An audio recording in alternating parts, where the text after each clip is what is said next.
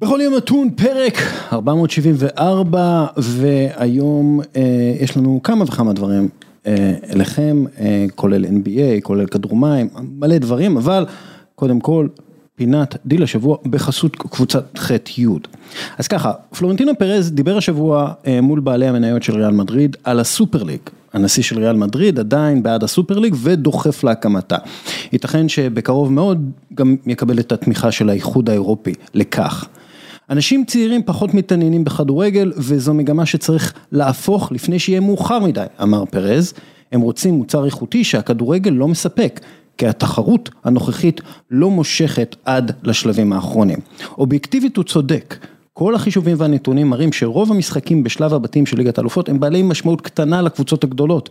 באופן כללי צריך שלושה ארבעה ניצחונות ומבטיחים העפלה לשלב הבא, מה שלעיתים רבות אומר שהמשחקים האחרונים בשלב הבתים לא קובעים משהו למישהו, וזה הופך אותם לפחות מעניינים. לפי החישובים מדי שנה בין 20% ל-33% מהמשחקים שמשוחקים בליגת האלופות משוחקים לשם הפרוטוקול בלבד, ולא בכדי, ולא בכדי אה, לקבוע את המעפילות לשלב הבא. כמו כן, רוב המשחקים הם בין קבוצות שהפערים הכלכליים בין, ביניהם הם עצומים, ככה שרוב העולות לשלב הבא הן בדרך כלל הקבוצות העשירות ביותר בבית. פרז מדבר גם על כך שליגת האלופות תתמלא בעוד משחקים חסרי משמעות, או המשחקים הפחות מעניינים מעונת 2024, 25 ושוב הוא צודק, הפורמט השוויצרי של ליגת האלופות הוא פורמט טוב, אבל השינויים שעשו בו בוופא פשוט לא הגיוניים. מ-2024-2025 יהיו בליגת האלופות 36 קבוצות, כל קבוצה תשחק 10 פעמים, בכל מחזור נגד אה, קבוצה מדירוג אחר. שמונה הקבוצות הראשונות יעפילו אוטומטית לשמינית הגמר, ואז הקבוצות בין המקום התשיעי למקום ה-16 יתחרו על שמונה המקומות הנוספים בפלייאוף. תשע הקבוצות שנותרו יעזבו את התחרויות האירופאיות, ובכך בעצם מגדילים את מספר המשחקים ב-100, מ-125 ל-225, אבל רוב המשחקים שהוסיפו, שוב, לא יקבעו הרבה. הפערים בין העשירות לבינוניות ולקטנות עדיין יקבעו גורלות, ובפורמט החדש העשירים יקבלו צ'אנס אחר צ'אנס לתקן טעויות שעשו. הסיכוי להפתעות קטן. פרז אז משווה את ליגת האלופות ל-NFL, השוואה שצריך להתעכב עליה. ההכנסה של ה-NFL מזכויות שלו עברה את זו של ליגת האלופות, אמר פרז, לפי פורבס, ריאל מדריד, המועדון ה-13 הכי שווה בעולם, לפני היינו מקום חמישי, זה מה שפרז אומר. הם בטח עושים משהו טוב מאוד בארצות הברית ומשהו רע מאוד באירופה, פרז ממשיך. למרות שיש הבדלים גדולים בשוק, בענף הספורט וכולי, הוא צודק בהשוואה שלו, ליגת האלופות אמורה להיות הטורניר המעניין ביותר בעולם והמכניס ביותר בעולם, כי הוא מציג את קבוצות הספורט העשירות והמוכרות בעולם. אבל ה-NFL מכניסה יותר מפי שלוש מליגת האלופות. אז נכון, ה-LFL זו ליגה אחת סגורה בשוק אחד, וליגת האלופות היא ליגה שמורכבת מקבוצות משתנות מליגות אחרות, ונכון, ה-NFL משחקת בסופי שבוע, וליגת האלופות היא אירוע של אמצע השבוע, ועדיין, אין שום סיבה לכך שליגת האלופות תהיה מוצר כל כך נחות מבחינה פיננסית מאשר ה-NFL.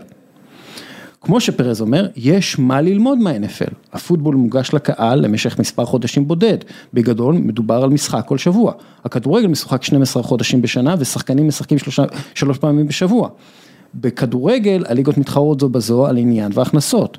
כמו כן, וופא, הרגולטור, הייתה אמורה לנהל את הכל בצורה יותר טובה למען הליגות, הקבוצות והשחקנים, אבל מאחר שמקור ההכנסה העיקרי שלה זה ליגת האלופות, היא בניגוד עניינים אינהרנטי. ריאל מדריד וברצלונה ויובנטוס הגישו תלונה על מונופול של וופא לבית המשפט, המשפט הגבוה לצדק באירופה, וייתכן מאוד שבית המשפט יקבע שוופא אכן מונופול, מה שעשוי לשנות הרבה מאוד דברים בדינמיקה של ניהול המשחק באירופה. בכל מקרה, חזרה לדבריו של פרס, הוא אומר, הכדורגל חולה וזקוק לניהול מקצועי, מודרני ושקוף, ושוב הוא צודק. רק שהיציאה שלו ושל החברים שלו למיזם הסופרליג הייתה כל כך עקומה, לא מקצועית ולא שקופה, שזה בעייתי לסמוך עליו או על חבריו שינהלו את העניין בצורה מקצועית, מודרנית ושקופה יותר מאוופא. חייבים לעצור את ההידרדרות של הכדורגל, פרז הוסיף, הוא חייב להתקדם, וזו הסיבה שאנחנו רצינו את הסופרליג. זו לא תהיה תחרות סגורה, עם כל הכבוד העצום לליגות המקומיות, התחרויות האירופאיות חייבות להציע יותר משחקים לאורך השנה, משחקים שמביאים אנשים צעירים בחזרה. פרז אז מבקש להשוות בין כדורגל לטניס, ואומר, רפאל נדל ונובק ג'וקוביץ' שיחקו אחד נגד השני 59 פעמים, נדל ופדרר שיחקו יותר מ-40 פעמים אחד נגד השני, ריאל מדריד וליברפול נפגשו רק תשע פעמים ב-67 השנים האחרונות. למה למנוע מהאוהדים לראות משחקים כאלה? אם וופא הייתה אחראית על הטניס, היינו צופים ברוג'ר פדרר ונדל 2-3 פעמים. הוא צודק שצריך יותר מפגשים בין הגדולות, אבל יש לציין שיותר מפגשים בין הגדולות עשוי להפוך אותם לפחות מיוחדים, וזה גם בעייתי מבחינה כלכלית, שיווקית ופיננסית.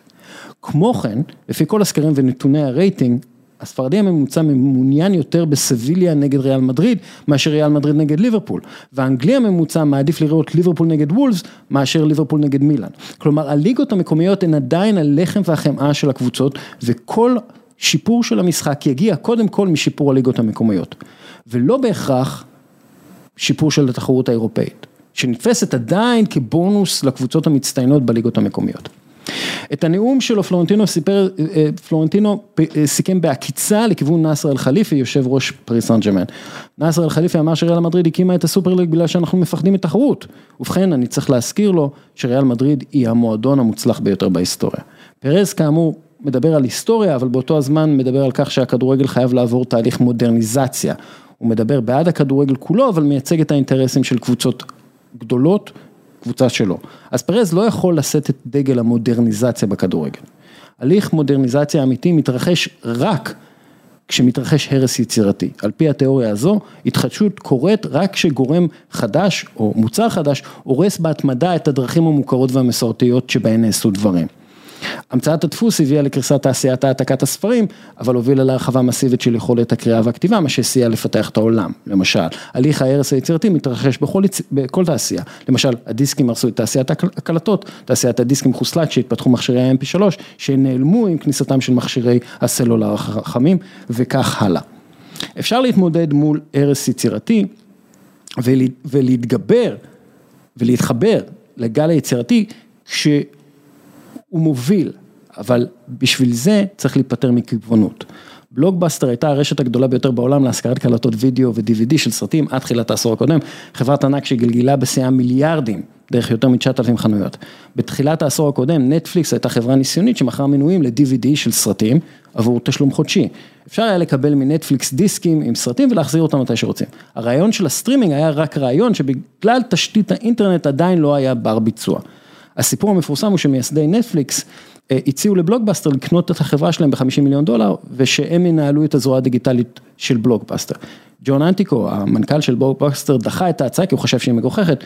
ג'ים קיז, מחליפו, הציע להנהלת בלוקבאסטר דווקא כן להתנסות במנויים דיגיטליים, אבל ההנהלה דחתה את ההצעה. הסיבה העיקרית לדחייה הייתה ש-12% מההכנסה של בלוקבאסטר הייתה מדמי איחור החזרת סרטים.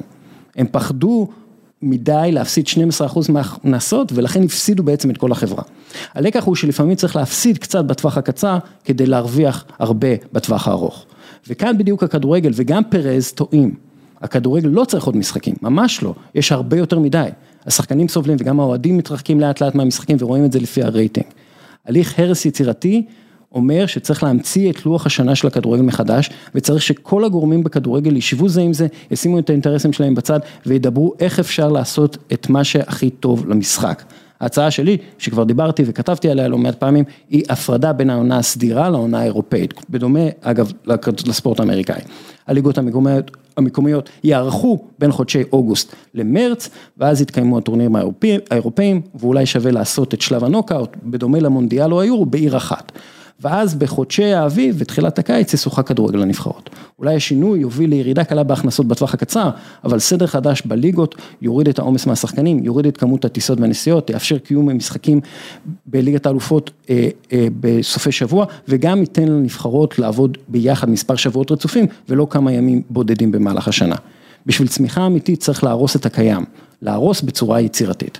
עד כאן הפינה בחסות קבוצת ח'-י' שמביאה לכם את טלוויזיית אולד של LG, אלו הטלוויזיות המתקדמות בעולם, כל פיקסל מואר באופן עצמאי, זו איכות התמונה הטובה בעולם, וזה לפי כל הסקירות המקצועיות וביקורות הגולשים.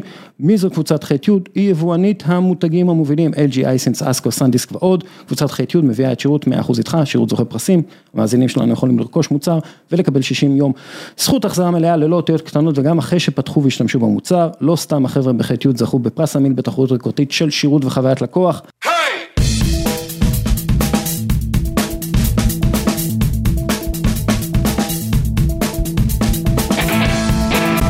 רויטל כהן גלוסקה. היא האישה הראשונה המכהנת אה, כיושב ראש או יושבת ראש איגוד ספורט אולימפי למשחקי כדור לישראל. והיא הראשונה, היא נשואה והם לשניים, התחילה דרכה בכדור מים בקיבוץ גבעת חיים, בהמשך עברה להפועל קריית טבעון, הייתה מאמנת אה, ועוזרת מאמנת הנבחרת ומנהלת נבחרת אה, אנשים בכדור מים. דרך אגב, היא גם זמרת אופרה, גיליתי עכשיו, בעלת חנות בגדי מעצבים וגם מאפרת כלות ויש לה ארבעה ילדים, בקיצור סופר וומן. בזמן כהונתה. כיושבת ראש התאחדות איגוד הכדור מים, הנבחרת של ישראל רושמת הישגים חסרי תקדים, כולל מקום שישי באירופה והעפלה לגביע העולמי. אה, וישראל היא מדינה עם בריכה אחת בלבד שמתאימה לאימוני כדור מים, אז ההישג הזה הוא גדול ביותר. רויטל, אהלן. בוקר טוב. בוקר טוב. אה, קודם כל, מה הסיפור עם האופרה? בוא, בוא... נשים את זה כבר עכשיו. נשים את זה, קודם כל את יכולה לשיר, כמו שעשית מקודם, בסאונד צ'ק. דבר שני, מה הסיפור עם האופרה? אז באמת, אה, כשהשתחררתי מהצבא, הייתה לי איזו מחשבה אה, ללמוד אופרה, התקבלתי לאקדמיה למוזיקה אה, בירושלים, ו... ואז אה, המורה לפיתוח קול הסבירה לי שזה תהליך של ארבע שנים, ואחר כך עוד ארבע שנים בגרמניה, ואז אמרתי, רגע, רגע, רגע, רגע, מאיפה אני אתפרנס? אז הלכתי בינתיים לעשות קורס מדריכי שחייה, שהיה מאוד מוצלח, ולחצו עליי להמשיך למאמנים. בשנה הראשונה של מאמנים כבר קיבלתי את הפועל טבעון, להיות מאמנת של הפועל טבעון, ושם אה, נכנס עוד יותר הג'וק של הכדור מים, כי ראיתי נשים אה, בווינגייט שמשחקות כדור מים, וככה נדבקתי, פתאום אמרתי וואי, יש נשים, כדור מים, אני גדלתי על כדור מים אה, בגוש זבולון, ונכנסתי למים. בעולם מקביל היית היום דיבה באופרה פה, לא רחוק. בהיכל התרבות. Who knows, who knows. כן. השימוש אה, הלך לספורט, אה, לצרוך על שחיינים בספורט. זה, זה, אגב, זה, זה בדיוק העניין, כלומר יש לך אישיות מאוד, את, את שאפתנית, את רוצה להשיג כמה, את יודעת, זה נראה שכאילו את יודעת מה את רוצה ואת יודעת איך להשיג את זה, אה, אז בטוח אם היית הולכת לאופרה היית מצליחה גם בזה, לא? אני אגיד לך, אני מאוד מאוד, בכל דבר שאני נוגעת, או אני מחליטה שאני רוצה לעשות, אני תמיד רוצה להיות הכי טובה בו. כן. אז... אה, זה ה mindset.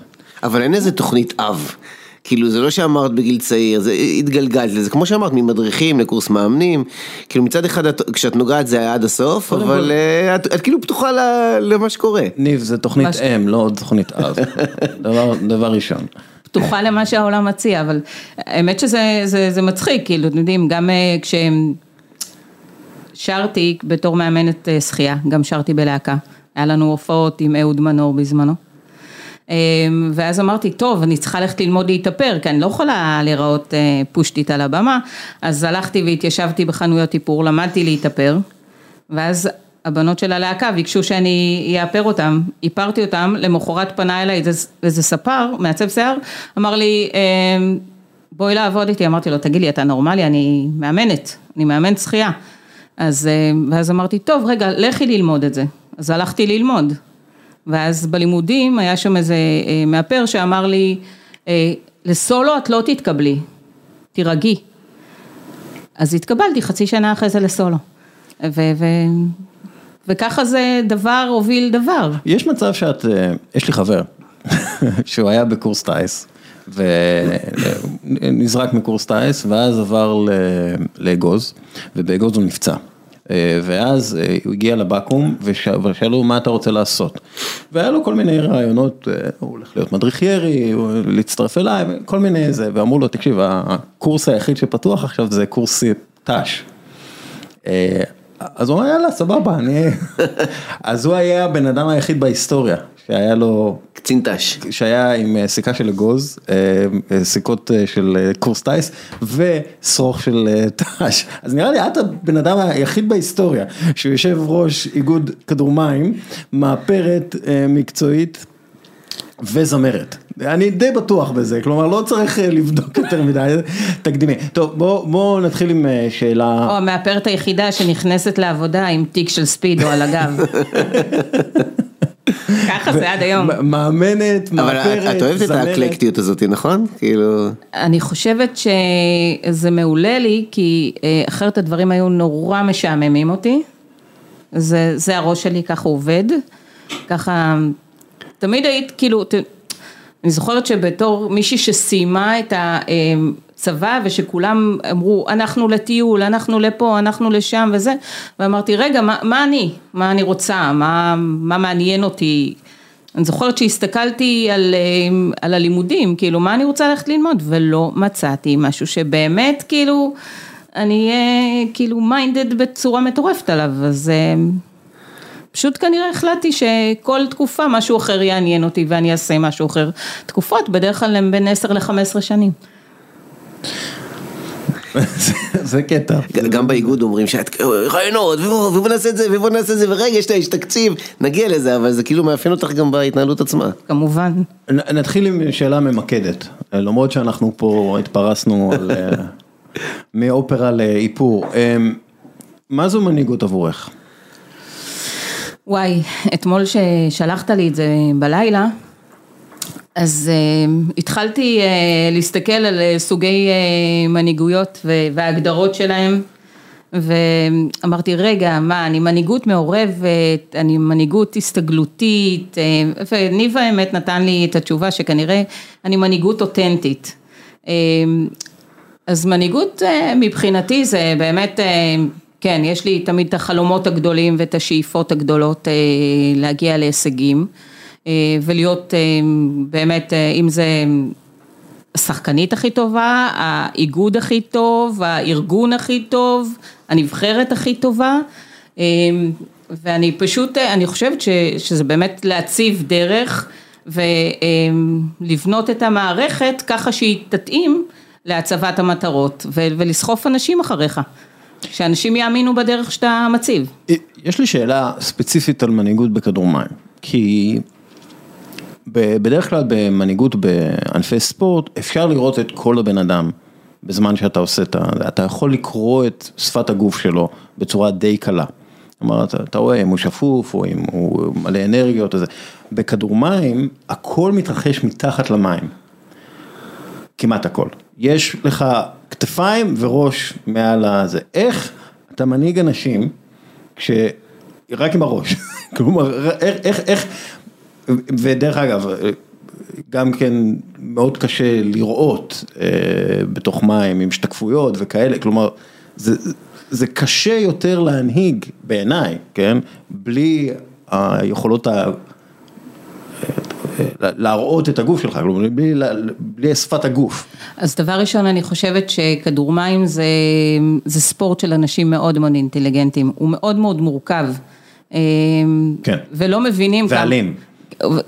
אני לא הייתי קוראת לו אלים, הוא אינטנסיבי. הוא... אחרי, אחרי, שיחקתי פעם אחת כדור מים כאילו עם, עם שחקנים, זה, אבל זה, אני חושבת ששוב זה היה אלים. ככל שהרמה נמוכה יותר, כך הוא יותר אלים. אוקיי. בכל, ברגע שאתה עולה ביכולות, החזיר לך. כן, לא, אני לא מקצוען, זה, זה בטוח. ברגע שיכולות השחייה אה, וההבנה של המשחק עולות, ככה המשחק פחות אה, אלים. כן. אה, כן, הוא, אתה יודע, יש מגע פיזי מאוד, אבל אם נחזור לשאלה שלך, הראש מוביל הרבה הרבה ו... מהחשיבה וההתנהלות בתוך המשחק, ואתה יודע, אני, אני שיחקתי לדוגמה ב, בתפקיד שנקרא צנטר או סנטר, כן. תגבילו את זה, כאילו צנטר זה מההונגרים מגיע, שהם האבות של המשחק. צנטר. כן. אז צנטר באמת כאילו הוא יודע שהוא מקבל את הכדור, המטרה שלו היא או לחלק או להבקיע, לרוב להבקיע. להבקיע את הגולים, כן. או לגרום להוצאת שחקן, הוא, כאילו, הוא השחקן הכי חשוב, כאילו. כולם חשובים, זה קבוצה. לא, ברור, אבל הוא כאילו, בלי צנטר טוב אי אפשר לנצח, כאילו, זה ה... כן, אבל כאילו, אתה יודע, אנחנו, גם כשהיינו במים, צנטר טוב יודע שהוא מקבל את הכדור, זה לא משנה אם יש מגן, אין מגן, כדור ייכנס לשער. אז אני חושבת שגם בכדור מים, אתה יודע, כאילו, אנשים אומנם רגועים ועל פניו הכל מאוד סוער מבפנים. יש הרבה פרופסורים או מנהלי מחלקות אפילו של ניתוחי לב שהם שחקני כדור מים, ואתה רואה אותם מחוץ למים, אנשים רגועים, מקסימים, אבל כשאתה נכנס למים אין מה לעשות, זה הכל מתפרץ שם. מה לקחת מהבריכה, מהמנהיגות בבריכה למנהיגות, את יודעת, מחוץ לבריכה, בענף? דבר ראשון, הקבוצה מעל הכל, לבנות צוות מנצח בתוך המים ומחוץ למים, זה הדבר מבחינתי הכי חשוב. והכי חשוב זה באמת העבודה המשותפת והפרגון והתמיכה, אם זה מחוץ למים או בתוך המים, וזה משהו שכאילו, לי ולאנשים שעובדים איתי זה מאוד מאוד חשוב והם מבינים את זה, אין אף אחד בארגון שהוא מעל אף אחד, וגם אני, אני לא מעל המנכ"ל, אני, אנחנו שותפים, אנחנו שותפים למטרה. אנחנו, אני לא באה לעבוד בשביל האגו שלי, אני באה לעבוד בשביל השחקנים ובשביל הגוף שאותו אני מנהיגה כיום. וזה משהו שאתה יודע, גם במים, דיברנו על זה ששיחקתי בתפקיד צנטר או שומר צנטר, אז אין דבר כזה, כאילו, לקחת את המטרה עד הסוף, לעבוד בשביל הקבוצה, זה, זה לא משנה אם אני הבקעתי או מישהו אחר הבקיע, אבל באים לעבוד בשביל המטרה, והמטרה היא לנצח. יש, איך, איך הולך באמת היררכיה בארגון כזה? כי הרי בסופו של דבר, נכון, כולם, אף אחד לא מעל אף אחד, אבל יש היררכיה, כאילו את, את היושבת ראש, את המנהיגה, נכון? או ש... איך זה עובד? יש אותי, ויש את המנכ"ל, את עמית אבנר, מתחתיי. ויש עוד בן אדם מאוד חשוב בארגון שזה קוראים לו רגב גורן, שהוא שותף שלי כבר 12 שנה לדרך שאני עושה. שם מתקבלות ההחלטות ויש את ההיררכיה, כן, כשאני, מעט פעמים אני אשים את הרגל למטה ואני אלך כאילו עד הסוף וכאילו ויכוחים, אבל יש באמת מבחינתי דברים שנגיד אני לא אסכים להם, זה פגיעה בצד המקצועי של האיגוד. מבחינתי אני... יש דוגמאות כאילו, למשל? ויכוחים בדרך כלל זה ביני ובין עמית על דברים מקצועיים, כאילו שהוא יחשוב שזה לא נחוץ או מיותר, ואני אומרת עד כאן, יש את הדמות המקצועית שמבינה ויודעת מה היא צריכה, אני סומכת על הדמות המקצועית שלי במאה אחוז, זה על דמיטריס מברוטס והצוות מאמנים, ואם הם באים ואומרים אנחנו צריכים, אז אני אשאל את כל השאלות שצריך, אבל בסופו של דבר הם יקבלו את מה שהם צריכים. שאלה טכנית, כאילו, כמה זמן את, את יושבת ראש איגוד הכדורמים, יש לך הרבה, מה שנקרא, a lot on the plate, כמו שאומרים באנגלית, את גם וגם וגם, וגם אימא, שעובדת קשה מאוד בלהיות אימא, כמה זמן את משקיעה בזה? האיגוד הוא 24/7, אני רק יכולה להגיד לך למשל על החג האחרון, החג האחרון בוצע בלאסוף אינפורמציה על מתקנים, לדבר עם אנשים, שוב פעם להילחם מלחמות מיותרות בנוגע לאיזה מתקנים צריכים, צריכים לבנות בישראל ושמתקנים היום בישראל צריכים להתאים לכל גופי המים שחיים בישראל. המלחמות נגד מי? לצערי נגד איגוד השחייה. אוקיי, שאיגוד, כאילו מעניין אותי הדינמיקה, מה זה אומר? זה אומר שבקדנציה הקודמת של סימון דוידסון, עשינו מהלך מאוד מאוד חשוב ביחד עם משרד הספורט והמינהל, ערכנו סיור מתקנים בחוץ לארץ, עברנו בהולנד ואיטליה, ראינו איך בונים מתקנים, איך באמת אה, גורמים להם להפוך להיות כלכליים ולא, שלא יפסידו כל כך הרבה כסף, וזה באמת על ידי רצפה מתכווננת, אה, עומק של שני מטר שמאפשר גם לשחייה התחרותית, גם לכדור מים, אה, גם לשחייה האומנותית, אה, גם ללימוד שחייה, לפעילות של זקנים במים, כאילו במקומות האלה הרצפה עולה ויורדת 12 פעמים ביום, אוקיי? ובאמת זה היה איזשהו סיכום שסיכמנו עם משרד הספורט, עם יוסי שרעבי ועופר בוסתן, באמת כל, כל הצוות שהיה איתנו, גיא אטיאס, אבי בן בן אשתי, נעשתה עבודה של בערך שלוש שנים. והיא מהנדס בריכות שחייה בשם רועי בן ניסים. בכמה זה מייקר את הבריכה, פחות או יותר? מאשר בסטנדרט של... זה, זה מייקר אותה ב-300 אלף שקל, התפעול שלה. שנייה, כמה הבריכה אמורה כן, באחוזים כמה זה? הבריכה אמורה לעלות סביב 17 מיליון, משהו כזה. אז זה בטל בשישים. כן, לא, אבל כאילו, עזבו, ברגע שאתם מוסיפים ארבעה מסלולים, כל מסלול מכניס לך בין 100 ל-150 אלף שקל בשנה, זה מבטל את זה, אוקיי? אז... והמדינה גם אמרה, אנחנו שמים את הרצפה המתכווננת, אנחנו רוצים מתקנים כאלה שהיום ייבנו.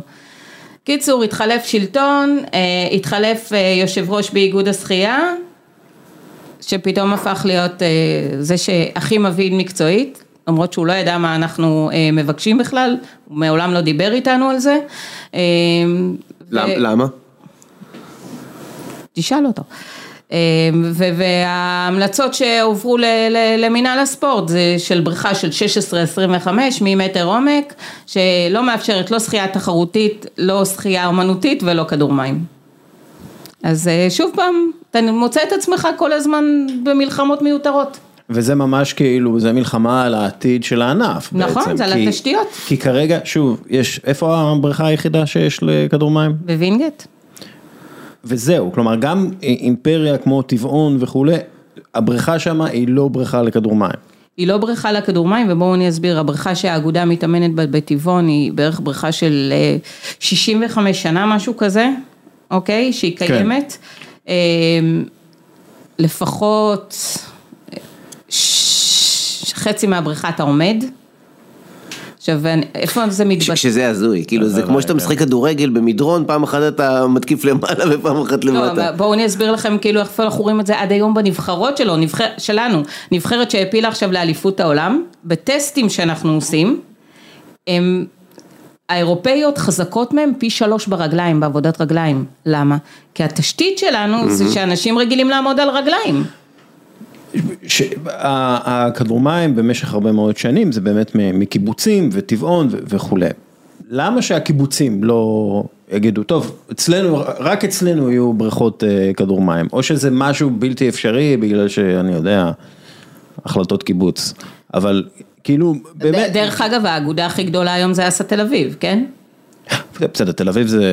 לא, אבל באסא תל אביב יש לך כבר 700-800 ילד, זה לא, כאילו, שם אה, עבודה מטורפת. כן, טוב, בסדר, אבל שוב, אה, זה גם, עשינו את זה בכתבה, תל אביב, גם מכבי תל אביב ב- בהתעמלות ו- ו- ו- ואתלטיקה וכולי. כלומר, יש תל אביב וכל שאר ישראל, זאת הבעיה העיקרית פה. אה, לא בעיה כאילו שתל אביב משקיעה, בעיה שרק תל אביב אה, קיימת בעצם, אבל באמת, למה שבאמת לא יהפכו את זה, יאללה בואו, זה, זה הספורט של הקיבוץ, פעם אה, בגבת יגור וכולי, זה היה המקום של, ה, של הכדורסל, היום זה כבר לא, אז יאללה כדור מים, בואו נלך על זה. אז יש שם את גוש זבולון, שכבר הכשירו קרקע, שילמו על קרקע, ומחכים באמת אה, לקול קורא כדי אה, לצאת ולהגיש למתקן נכון לכדור מים, או מתקן נכון לענפי המים, אבל אנחנו, הקול קורא שיוצא עכשיו, זה מתקן לקאנטרי קלאב, שזה... דיברנו לפני כן על הסיפור של איילון אה, והרכבת שהמנכ"ל לא דיבר, אה, לפני שהגעת, המנכ"ל- המנכ"לים לא דיברו אחד עם השני ובגלל זה אנחנו, יש בכייה לדורות. אני רוצה קצת יותר להבין את הסיפור הזה של, אה, את יושב ראש הכדור מים, יש את היושב ראש של איגוד השחייה ואתם לא מדברים, את יוצרת איתו קשר, איפה מינהל הספורט כאן, משהו כאילו, בסוף זה מגיע למקום מאוד לוחמה, אה, של, אה, של כוח. זה לעומתי, כן, זה- כאילו, לא, איך- הבעיה היא, איך זה קורה כזה כאילו, דבר? אה, נמצא, כאילו, אני לא מאשימה את אה, מיקי, אוקיי? מיקי אה, חדש, הוא עוד לא למד את העניין. מיקי- מיקי חליקה, מיקי חליקה. כן. הוא חדש, הוא לא למד את העניין, הוא לא שוחה בזה כמו ש... אהבתי, מה? הוא לא שוחה. כן, הוא לא שוחה בזה למרות- שהוא שחיין. כן? הוא לא יודע לשחות מקיר לקיר, הוא עדיין לא... אבל הוא הכי מהספורט, הוא מבין מה זה ספורט. אבל להבין מה זה. אני לא הבנתי. מה זה בריכות שחייה עד. שנסעתי ולמדתי, עד שנדרשתי ללמוד את זה. עד שנדרשתי באמת להבין מה זה לבנות, איך בונים בעולם היום, לא בונים בטונים כבר. איך אנחנו מתחזקים את זה בצורה יותר טובה. אמ, אתם יודעים, כאילו, צריך ללמוד את הנושא הזה ו- ולא לשמוע לאנשים אינטרסנטים שלוחשים לך מאחורי הקלעים, כי זה משרת אינטרסנטים, יש גורמים, לצערי, אה, בתוך איגוד השחייה שלא רוצים, לא טוב להם שהכדור מים אה, מתפתח. מעניין אותי למה לא טוב להם. כי אה, יש איזו אג'נדה היסטורית, שאני יודעת גם כש, כשהייתי בצד השני, כאילו, שהשחייה, כאילו מפחדים באיזשהו מקום מהכדור מים, כי זה ספורט שהוא יותר כיפי, הוא יותר מושך ילדים, יש... אה, אה, כאילו שילדים יעדיפו את הכדור מים על פני כן, יש השחייה. כדור, הוא מעניין יותר, אה, מצד שני זה כל הזמן מלחמות על מתקנים, כי יש חוסר במתקנים. עכשיו במקום ש, שמלמעלה יבינו את העניין הזה לעומק ויגידו וואלה, כמו שאנחנו לא בונים אולם רק לכדורסל, רק כדורעף או רק כדוריד, אנחנו בונים מתקן שיתאים לשלוש, לשלושת ענפי הכדור, נכון? ו, ואז בעצם גם יגדילו את, ה, את שטח הפנים, חסר שטח מים מקצועי. כן, יש, יש בריכה היום, שוב, אין, אין בריכות אולימפיות בישראל גם. כן, הרי אם לא- אם ה-16-25 מטר עד 2 מתאים למישהו, כן? אז אה, למה- למה השחקנים, ש- השחיינים של אה, אה, נבחרת ישראל מתאמנים בווינגייט, הם יכלו להישאר להתאמן בבתים שלהם. אבל זה לא מתאים, זה מתקן לא מתאים. עכשיו כאילו גם בקול קורא שם אומר שהרשות לוקחת, הרשות יכולה לעשות במתקן מה שהיא רוצה, אין לה שום מחויבות להפנות את זה לאגודות הספורט. את- את- אוקיי, אנחנו, זה פה מלחמות היהודים, אה, מלחמות המים של היהודים, יש לומר. אה, מיותרות, מיותר- מיותרות. מיותרות, כי בסופו של דבר כולם רוצים שיהיו אנשים בבריכה ויהיו שחיינים ויהיו אה, שחקני כדור מים. ועדיין הנבחרת מאוד מאוד מצליחה. למה? כאילו איך, איך זה, איך יש מדינה ש, שזה, אם, אם היו מספרים על מדינה שיש בה רק בריכה אחת שמתאימה לכדור מים וגם בה אי אפשר להשתמש יותר מדי והשחקניות אה, פי שלושה פחות אה, טובות אה, בעבודת רגליים מ- משחייניות אה, באירופה ועדיין היא מגיעה לאליפות העולם זה כאילו זה, מה המודל? היו שואלים מה המודל? זה- מזכיר את הסרט, אני לא זוכר איך קוראים לו, שהג'מייקנים אה, התחרו במזחלות כן. אה, שלג, להם... וזה- ג'מייקה מתחת לאפס, ב- כן, משהו כזה, כן, כן. אבל, אבל כאילו איך, דבר כזה קורה? אני מאמינה שזה, לא מאמינה, אני יודעת איך זה התחיל, זה, זה, כן, זה, זה מתחיל עם, דמיטריס מברוטס, הגיע הנה, המאמן היווני, המאמן היווני, אה, המנהל המקצועי שלנו, אה, שדרך אגב, זה מתחיל, אבל מישהו הביא אותו, מי הביא אותו? אה, הביא אותו גידי ויטקון, אה, יושב ראש הוועדה המקצועית, ביחד איתי, אה, בעצם אנחנו, אה, אנחנו החלטנו שאנחנו מביאים ופתחנו את האקדמיה למצוינות בווינגייט, שבהתחלה בשנה וחצי הראשונות היה מאוד מאוד קשה, רצו לסגור אותנו ו... ולא הצלחנו להביא את הבנות הכי טובות לשם, היום כבר אה, יש waiting list והבנות הכי טובות מגיעות לשם, אה, בנות, בנות, שחקניות, זה מתחיל מגילאי 14-15 אוקיי. ומעלה. אה, כ- כמה הן מר- באחוזים הן מרכיבות את הנבחרת היום? היום הן כבר רוב הנבחרת, זה כאילו ברמת המעל כן. 80 אפילו, נכון? כן. אה, כלומר זה זה ממש כאילו, אתה שם את האצבע, זה זה ברור שזה זה- יושב על זה. זה הליך שהתחיל לפני כמה זמן? שש שנים. שש שנים. 18 בספטמבר, דמיטריס אה, בישראל, שש שנים. אה, ש, שהן מתאמנות, זה כמו בשחייה? הן מתאמנות במהלך השבוע ואז ב, ב, בסוף השבוע מגיעים לאגודות, מגיעות לאגודות? הן עושות, אה, הבנות של האקדמיה עושות שבע יחידות אימון אה, מתחת לאקדמיה, שהיום אה, מאמן אותם עידן כפתורי, מנהל של האקדמיה, זה העוזר מאמן של דמיטריס, אה, ודמיטריס מאמן שם. אה, ובסופי שבוע הן משתחררות לאגודות, למשחקי בית ולאימונים עם הקבוצה הביתית שלהן. ולא הייתה בעיה באגודות, בכלל אני רוצ- אני רוצה להיכנס לזה, לא הייתה בעיה באגודות לשחרר אותם, מה פתאום שדימיטריס הזה יאמן אותם, אנחנו יודעים הכל באגודה, רויטל מנידה בראש. וחיוך מיואש. לא, לא, זה כאילו... לא, זאת שאלה ההתחלה שפשוט רלוונטית לעוד ההתחלה ענפים, זה חשוב- לשמוע את ההתחלה זה. הייתה מאוד מאוד קשה. אה, היה כאילו אה, אופוזיציה מאוד לוחמת אה, בנושא הזה, ודבר ראשון ניסינו להבין איך אנחנו גורמים לזה ש... אה, שהאגודות כאילו לא יפסידו, אה, אפילו למצוא דרך לשלם תשלום סמלי על ה- על התשלום השנתי ששחקנית לא משלמת כבר לאגודה. כי אתם יודעים, להיות באקדמיה זה לא מעט אה, כסף, זה 30 אלף שקל שההורים משלמים, ההורים משלמים. אה, כן, לא, אנחנו- דיברנו. אנחנו- מדברים על זה המון. וכל אגודה כן. כזאת, ברגע שאתה מוציא לה 30 אלף שקל מה? שכר לימוד, בשנה. כן, כלומר זה רק לעשיר- לעשירות בלבד. נכון. או ל- או לכאלו שמקבלות מלגה כלשהי, נכון? וכאלה. שלא מסוגלות לשלם את זה. זה ממש לוקח לאופרה שאת אה, לא הלכת כסף, אמרת איך אני אשתכר. אז נכון. כאן נשים כמוך יאבדו את זה. אבל זה מה שאנחנו אה, עובדים מאוד מאוד קשה, שלבתים שיש להם בעיה לשלם את זה, אנחנו הולכים ומוצאים את המלגות, אה, מקבלים עזרה מאתנה, או כאילו שעזרה לנו למצוא, אה, למצוא מלגות, אה, עמרית ינילוב עזרה לנו כמה פעמים, ואנחנו באמת פותרים את הבעיות האלה נקודתית. אז אין פה...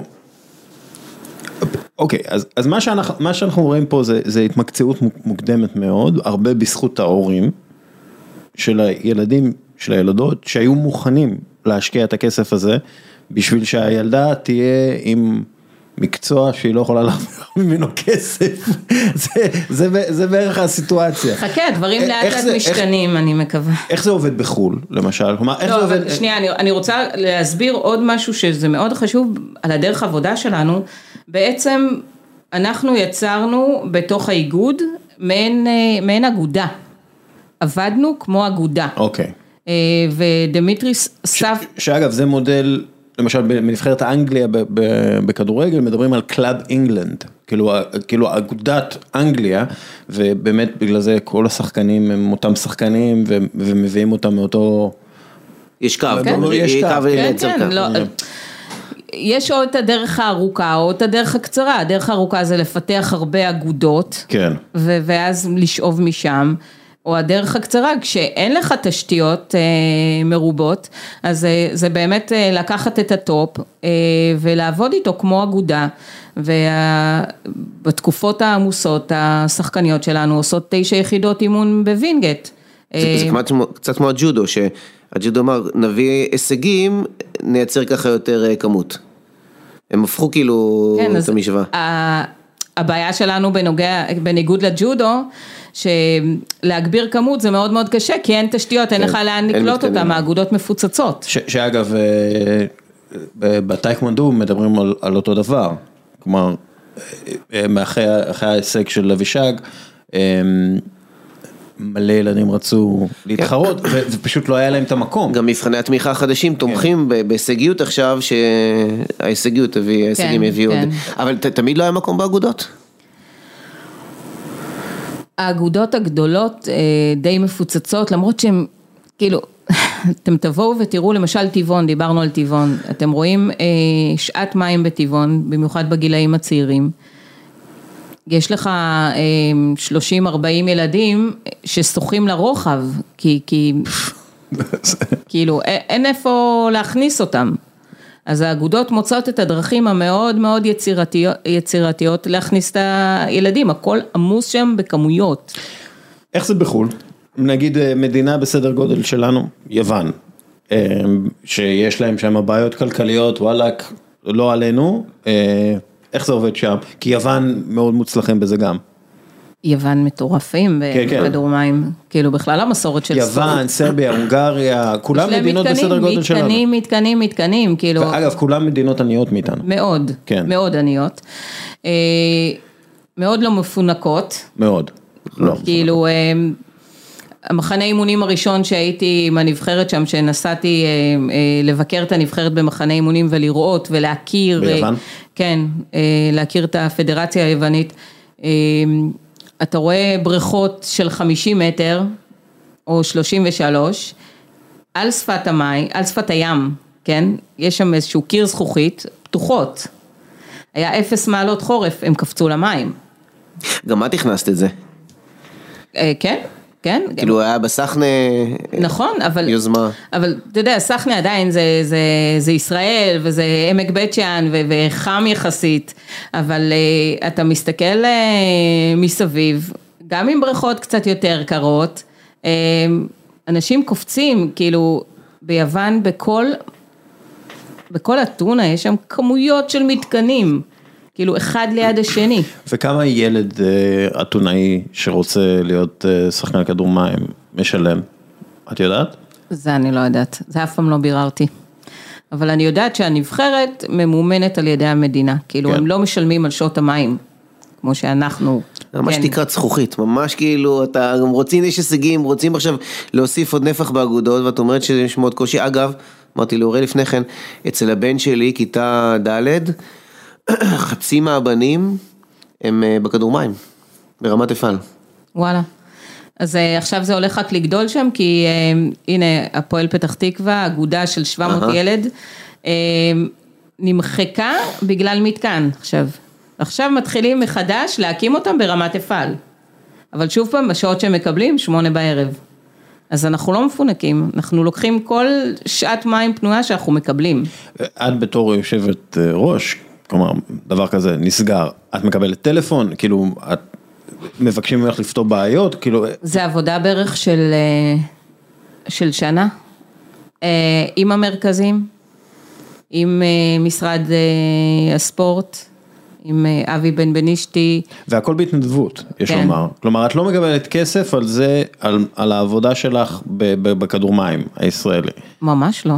וזה לא נכון, נגיד, ליושב ראש האיגוד ההולנדי, או מה שזה לא יהיה, נכון? כלומר, זה, זה, זה המקצוע שלו. אה, כן, אנשים... כן. אה, הוא, לא, אנשים- הוא לא מאפר קלות. לא. הוא, הוא אבל מקבל, ב... יושב ראש של אה, איגוד מקבל כסף בחו"ל? כל, אחד זה, שם, זה, זה משתנה שם, יש כאלה שיש להם את העסקים שלהם ליד, בדרך כלל הם אנשי עסקים מאוד מאוד עשירים שלוקחים את זה, אבל הם לא מבלים באיגוד כמו שאני מבלה. אני יכולה לפעמים להיות שלוש-ארבע פעמים בשבוע בווינגייט. אה, להגיע לווינגייט היום מהבית שלי זה סביב שעתיים נסיעה לפחות. ואיזה מש... איזה מחירים אנחנו עלולים לשלם כשיושב ראש, לא את, כשיושב ראש לא מקבל כסף. אני חושבת שדבר ראשון זה... אגב זה לפי רשם העמותות, יושב ראש אה, הוא לא יכול לקבל כסף, כן? כן. זה לא איזה אני- המצאה. אני חושבת שדבר ראשון, אה, זה איזה אנשים אה, נכנסים לנהל את הספורט שלנו. ואני חושבת שברגע שאנשים לא ירגישו שהם, שזה מוחק להם את החשבון בנק, כי זה מה שזה עושה, תכלס, אה, אז יותר אנשים רציניים ירצו להיכנס ו- ולקדם את אה, נושא הספורט בישראל. אה, גם יושבי ראש אה, שמאוד מאוד אה, ותיקים עם יכולת כלכלית מאוד מאוד חזקה בעבר, אה, אמרו לי שהם הפסידו מיליוני שקלים, כאילו ברגע שהם לקחו את זה. אז זה צריך להיות מטורפים היום, בעצם אתה חייב להיות מטורף כדי להיכנס להיות יושב ראש איגוד היום. אם אתה באמת עושה את זה כמו שצריך, או אתה לא קיבוצניק. את, את מטורפת? אני כן, תשאל את חילי טרופר. באתי לשם למשרד, הוא אומר להם זאתי משוגעת. בסדר, כן, אני משוגעת. אני משוגעת כי יש לי מטרה ואני מאמינה במטרה, אני חושבת שאנחנו יכולים לעשות את הדברים ואת הספורט הישראלי הרבה הרבה יותר טוב ממה שאנחנו עושים היום. וחשוב לי לקדם את הספורט הישראלי. את יודעת, אני מסתכל, אנחנו מכירים כבר לא מעט אה, זמן, את, את כל הזמן במלחמות. כל הזמן. והשאלה שלי, זה לא באיזשהו שלב את אומרת, רבאק, אני גם נלחמת כל הזמן נגד כל העולם, אני גם לא מקבלת שקל על הדבר הזה. כאילו, שתפי אותנו קצת? כן, ברגעי המשבר שלך, איך- ש... איך זה מרגיש להיות פריירית? אני, אני לא חושב שאת אומרת, שרויטל תגדיר את עצמה פראיירית. לא, אני לא פריירית, אבל אמ, אמ, יש רגעי משבר מאוד קשים, כאילו, אה, רק השבוע האחרון. המלחמות האלה הן מתישות, אתה אומר כאילו, בשביל מה? כאילו, אנשים לא מבינים, עשינו, כבר למדנו, אה, התקדמנו, הבאנו משהו חכם, למה אנחנו צריכים ללכת אחורה? בגלל שטויות של בן אדם אחד, וזה בערך שמה. אמ, ו- ואז אה, הרבה פעמים אני, אתה יודע, אני אומרת די, אני מרימה ידיים, אני רוצה ללכת הביתה, תעזבו אותי באימא שלכם, תעזבו אותי, תנו לי ללכת הביתה. למה אני צריכה להמשיך להילחם על משהו, הלוואי והייתי יודעת להילחם על הדברים שאני צריכה בשבילי, כמו שאני נלחמת בשביל הספורט הישראלי, אה, אני מרגישה שהרבה מהמלחמות שאני עושה היום, הם לא רק בשביל ענף הכדורמים, אלא הם גם בשביל מאמני השחייה שאני באה מהם ואני חלק מהם, או הם, אתה יודע, שנכנסת אליי אל- למשרד אה, מאמנת השחייה האמנותית ואומרת לי, אה, וואלה, אין לנו בית, אין לנו תשתיות, אין לנו... אני לא יודעת אה, לגבור את הראש אה, ולשים את השמיכה ולהגיד אני לא רואה, אני לא כזאתי. וכשאני רואה דברים שנראים לי לא הגיוניים ו- ושצריך לשנות אותם, אז אה, כאילו מי שהחליט על הדברים האלה זה אנשים אחרים. כן. כאילו, ו- וחוקים ו- ונורמות ואתה יודע, דרכי, דרכי תקצוב הוחלטו על ידי אנשים אחרים. אז כן, אז אני בן אדם שרוצה לשנות ורוצה היגיון ורוצה ספורט מקצועי. אגב, אה, אה, בשחייה האומנותית, יש אה, בבריכה בקאנטרי, אצלנו בשכונה, מכבי תל אביב, מתאמנים שם הבחורות, ילדות של הקאנטרי, ואפשר היה לראות איך הם, איזה ספורט מדהים זה, כלומר איך, איך הילדות האלה מתקדמות והן הופכות ליותר ויותר טובות ויותר מתואמות, ובאמת אפשר לראות את, ה, את הגרף שיפור. ואז עשו איזה שינוי בבריכה ואי אפשר כבר להתאמן שם יותר, כאילו, בגלל, בגלל שהקטינו אותה וכבר לא עמוקים ויכולות לעמוד כאילו, אז זה לא... זה- זה באמת כאילו, אין, אין אה, שום ראייה, אה, אין, אין שום ראייה כאילו מערכתית, למי שהכי צריך להיות עם ראייה מערכתית, אין את הראייה המערכתית הזאת, ואין מישהו שמלמעלה מסתכל ואומר אוקיי פה זה לא בסדר כי פה מתאמנות ככה וככה אה, ולכן צריך בריכה עמוקה. לא, יש ראייה מערכתית, כי כבר, אה, רויטל אומרת, כבר קיבלו החלטות, מהלך שלקח הרבה מאוד זמן, אבל אין מדיניות ארוכת טווח של אוקיי, אלה ההחלטות, אנחנו עובדים עכשיו לפי חמש שנים קדימה, יאללה, כבר קיבלנו החלטות. אגב, הנערות והילדות והאנשים שמתחרות ב- בכדורמים, הן כאילו רואות את זה קצת, אה, את יודעת, צוברות מזה מוטיבציה, הן כאילו מקבלות עוד, אוקיי, ככה מתייחסים אלינו, אז אנחנו נהיה עוד יותר טובות. כלומר, באיזשהו הפוך על הפוך זה איזושהי מוטיבציה עבורן. דבר ראשון, אנחנו לא חושפים אותם למידע הזה. אבל בטוח, הם אתה יודע, בטוח, הם שומעים, הם שומעות את זה, הם גם, הם שמעו גם הרבה בתוך הענף, כאילו, היה להם, הם קיבלו הרבה אש אה, גם מהגזרה הגב- הגברית של הענף. אה, ש- שמה? ש, שכל הכסף כאילו של מופנה אליהן ו, ולגברים שלנו לא מקבלים, אוקיי? אמ, זה גם היה מלחמה כאילו אה, מול אה, משרד הספורט. אמ, בכלל, אה, רשויות הספורט, ועד האולימפי ספורט הישגי, הכל, שלא סימנו את הגברים שלנו כמשהו שיכול להצליח, ותראו, הנה הוכחנו שאנחנו כן יכולים להצליח ואנחנו כן יכולים אה, להפיל לאליפות אירופה, מקום 12 פעם ראשונה. כן. אמ, אז הבנות שלנו ספגו מגזרה, מהגזרה הגברית הרבה מאוד אש. כאילו, אמ, אתן לא מספיק טובות, למה אתן מקבלות אה, וכל מיני כאלה. אה, אז שמה זה נתן להם אולי איזשהו פוש להצליח, הן פחות חשופות אבל למלחמות על המתקנים. אה, בתוך וינגייט הן כן רואות את ה... אתה יודע, כל, באמת, כל הישג שלנו, גם, גם בתוך וינגייט, אה, לא היה פשוט, כאילו לשים מחסן לציוד בתוך הבריכה זה היה מלחמה. אה, לקבל עוד מסלול זה היה מלחמה בהתחלה, כאילו אמרו מי זה, מי זה איגוד הכדור מים ההזוי הזה, כאילו מה, מה הם רוצים מאיתנו, היו רגילים שזה איגוד בלאגניסטי שרק עושה בעיות כל הזמן ו, ו, ולא ספרו אותנו, אף אחד לא ספר אותנו. עכשיו סופרים? בהחלט, כאילו כל הגישה של המכון אה, משתנה, משתנה בגלל, והשתנתה. בגלל ההישגים כאילו?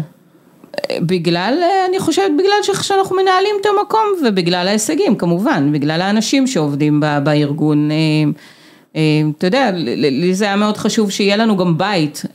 היום האיגוד הוא בית, הוא בית של, של הנבחרות. יש, עשינו שיפוץ, לקחנו, זה התחיל מחדרון, ו- והיום יש לנו אגף שלם בתוך אה, הבריכה הלאומית בווינגייט, אתה מוזמן לבוא ולראות, ותראה כאילו על הקיר אה, יש אה, קיר מורשת של, אה, של הכדור מים אה, לדורותיו, תמונות של כוכבי הכדור מים, קבוצות הכדור מים. אה, בכניסה יש אה, בעצם אה, מין אה, מועדון קטן לשחקנים ולשחקניות שהם יכול, יכולים לאכול, לשתות, רגע לשבת שם לפני שהם הולכים לאימון, לעשות שיעורי בית. חבר'ה שלומדים היום אה, אה, לרפואה או דוקטורנטים, יושבים במשרדים ולומדים אצלנו. כמה, כמה, שוערת. לא, לא רק איילת, גם איילת. נגיד עידו, הקפטן של. הגברים, וכל מיני חבר'ה שהם באים היום, יושבים שם ולומדים. שאלה אמיתית, תעני באותנטיות, כי את לא יכולה אחרת, כמה כוח עוד יש לך? כי זה נשמע באמת, אנחנו פה 40 דקות ומדברים על מלחמות היהודים, מלחמות המים של היהודים כבר הרבה זמן. כמה כוח. אה, א', אני מאוד מאוד מאוד רוצה להשיג אה, את המטרה שלשמה, שהצבתי בסופו של דבר, זה להכניס אה, נבחרת למשחקים האולימפיים, אבל אה, תראה, אם, אם אני אראה שבאמת, ואני לא צוחקת, אם אני אראה שאין עתיד בתשתיות, אז למה? למה כאילו... אחד מהלגסיז שאני רוצה להשאיר אחריי, זה מתקנים לענף הכדור מים, בכלל, לענף המים הישראלי. אה, ואני רוצה להשאיר אה, מנהלים טובים יותר ומאמנים עם ידע רחב יותר ו- ויותר סקרנים ואני רוצה להשאיר תשתית, תשתית ומסורת. כי אני חושבת שברגע שמישהו פרץ כבר את הדרך ו- ועשה כבר איזשהו הישג, אה, לבאים אחריו הרבה יותר קל, ואנחנו רואים את זה, תסתכל עכשיו על נבחרת הכדורגל לדוגמה, 19. אה, אה, לקחו אליפות אירופה, אז כאילו עכשיו... לא, לא לקחו אליפות אירופה. מקום שני, מקום, שני. סליחה, מקום שני, ועכשיו נגיד ל-21 העפילו. היה הרבה יותר קל להפיל אה, ליורו, אה, וכל הכבוד להם. אה, ואני חושבת שזה באמת שברגע שיש הצלחות בתוך הספורט הישראלי, אה, אנשים מתחילים להאמין יותר ורוצים יותר ואומרים גם אני יכול להיות שם. ואני ראיתי את זה, אתה יודע, גם כשהתחלנו עם ההעפלה הראשונה לאליפות אירופה שלנו, של הכדור מים, אה, תראה, אנחנו כבר פעם שלישית מעפילים ברציפות בגזרת הנשים, ועכשיו אליפות עולם ראשונה, אבל עשינו כבר אליפות עולם אנדר 20, שהגענו במקום שביעי בעולם, ו- וכאילו, אתה יודע, יש מסורת, המסורת היא נמשכת מגיל 14 עד הבוגרות, אנחנו אה, נמצאים אה, במקומות 8-7. אם, אם היית שרת הספורט, שני דברים שהיית עושה.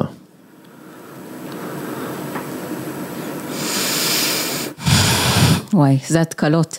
אה, דבר ראשון, אה, לומדת מאוד מאוד חזק את החומר עוד יותר ממה שעשיתי בשנים האחרונות, גורמת אה, לשינוי מאוד מאוד מאוד מקיף במתקנים. אין ספורט ללא מתקנים. אני, סימון דוידסון היה כאן והוא דיבר על אותם דברים, אנחנו חייבים מתקנים. ואנחנו חייבים להתחיל שיתוף פעולה מלמטה של משרד החינוך בתוך הספורט. לא, אם אנחנו לא נשנה את הדרך שהחינוך והספורט עובדים, והמסורת שאנחנו מנחילים והדרך שאנחנו מנחילים לילדים שלנו, אנחנו לא נצליח לסחוף הרבה ילדים היום, אנחנו לא נהיה מעניינים מספיק כדי שילדים ירצו להגיע אלינו.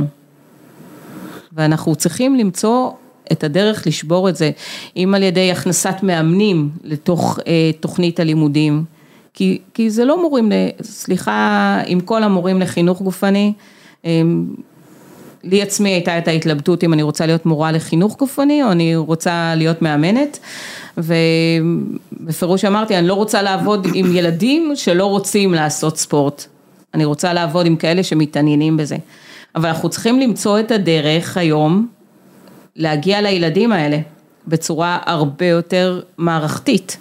כן. יש, יש מועדונים בית ספריים שאתם מכוונים לשם, זה קשה, כי אין בריכה, איך עושים את זה? אגב, בית ספר. זה, זה מזכיר לי שהייתי בפנסילבניה, בחלק מהעבודה שלי, והגעתי, ל... כשהייתי צעיר, הגעתי לבית ספר, אה, בית ספר שכל התשתיות ספורט שם אה, מונגשות לציבור, בגלל שהציבור משלם על זה, אבל כתרומות. כלומר, הציבור מחליט, זה היה פרבר די עשיר. והכניסו אותנו לאולם כדורסל, אולם כדורסל, וואלה, של בית ספר, אפשר לשחק בו בליגת העל, ואז אמרו לנו, אה, פה הבריכה שלנו, ואני כזה, מה? איפה, איפה הבריכה פה? ואז האולם נפתח, והיה בריכה אולימפית. בריכה אולימפית, כאילו. שהרצפה של האולם הייתה. שהרצפה של, שהרצפה האולם פשוט נפתח.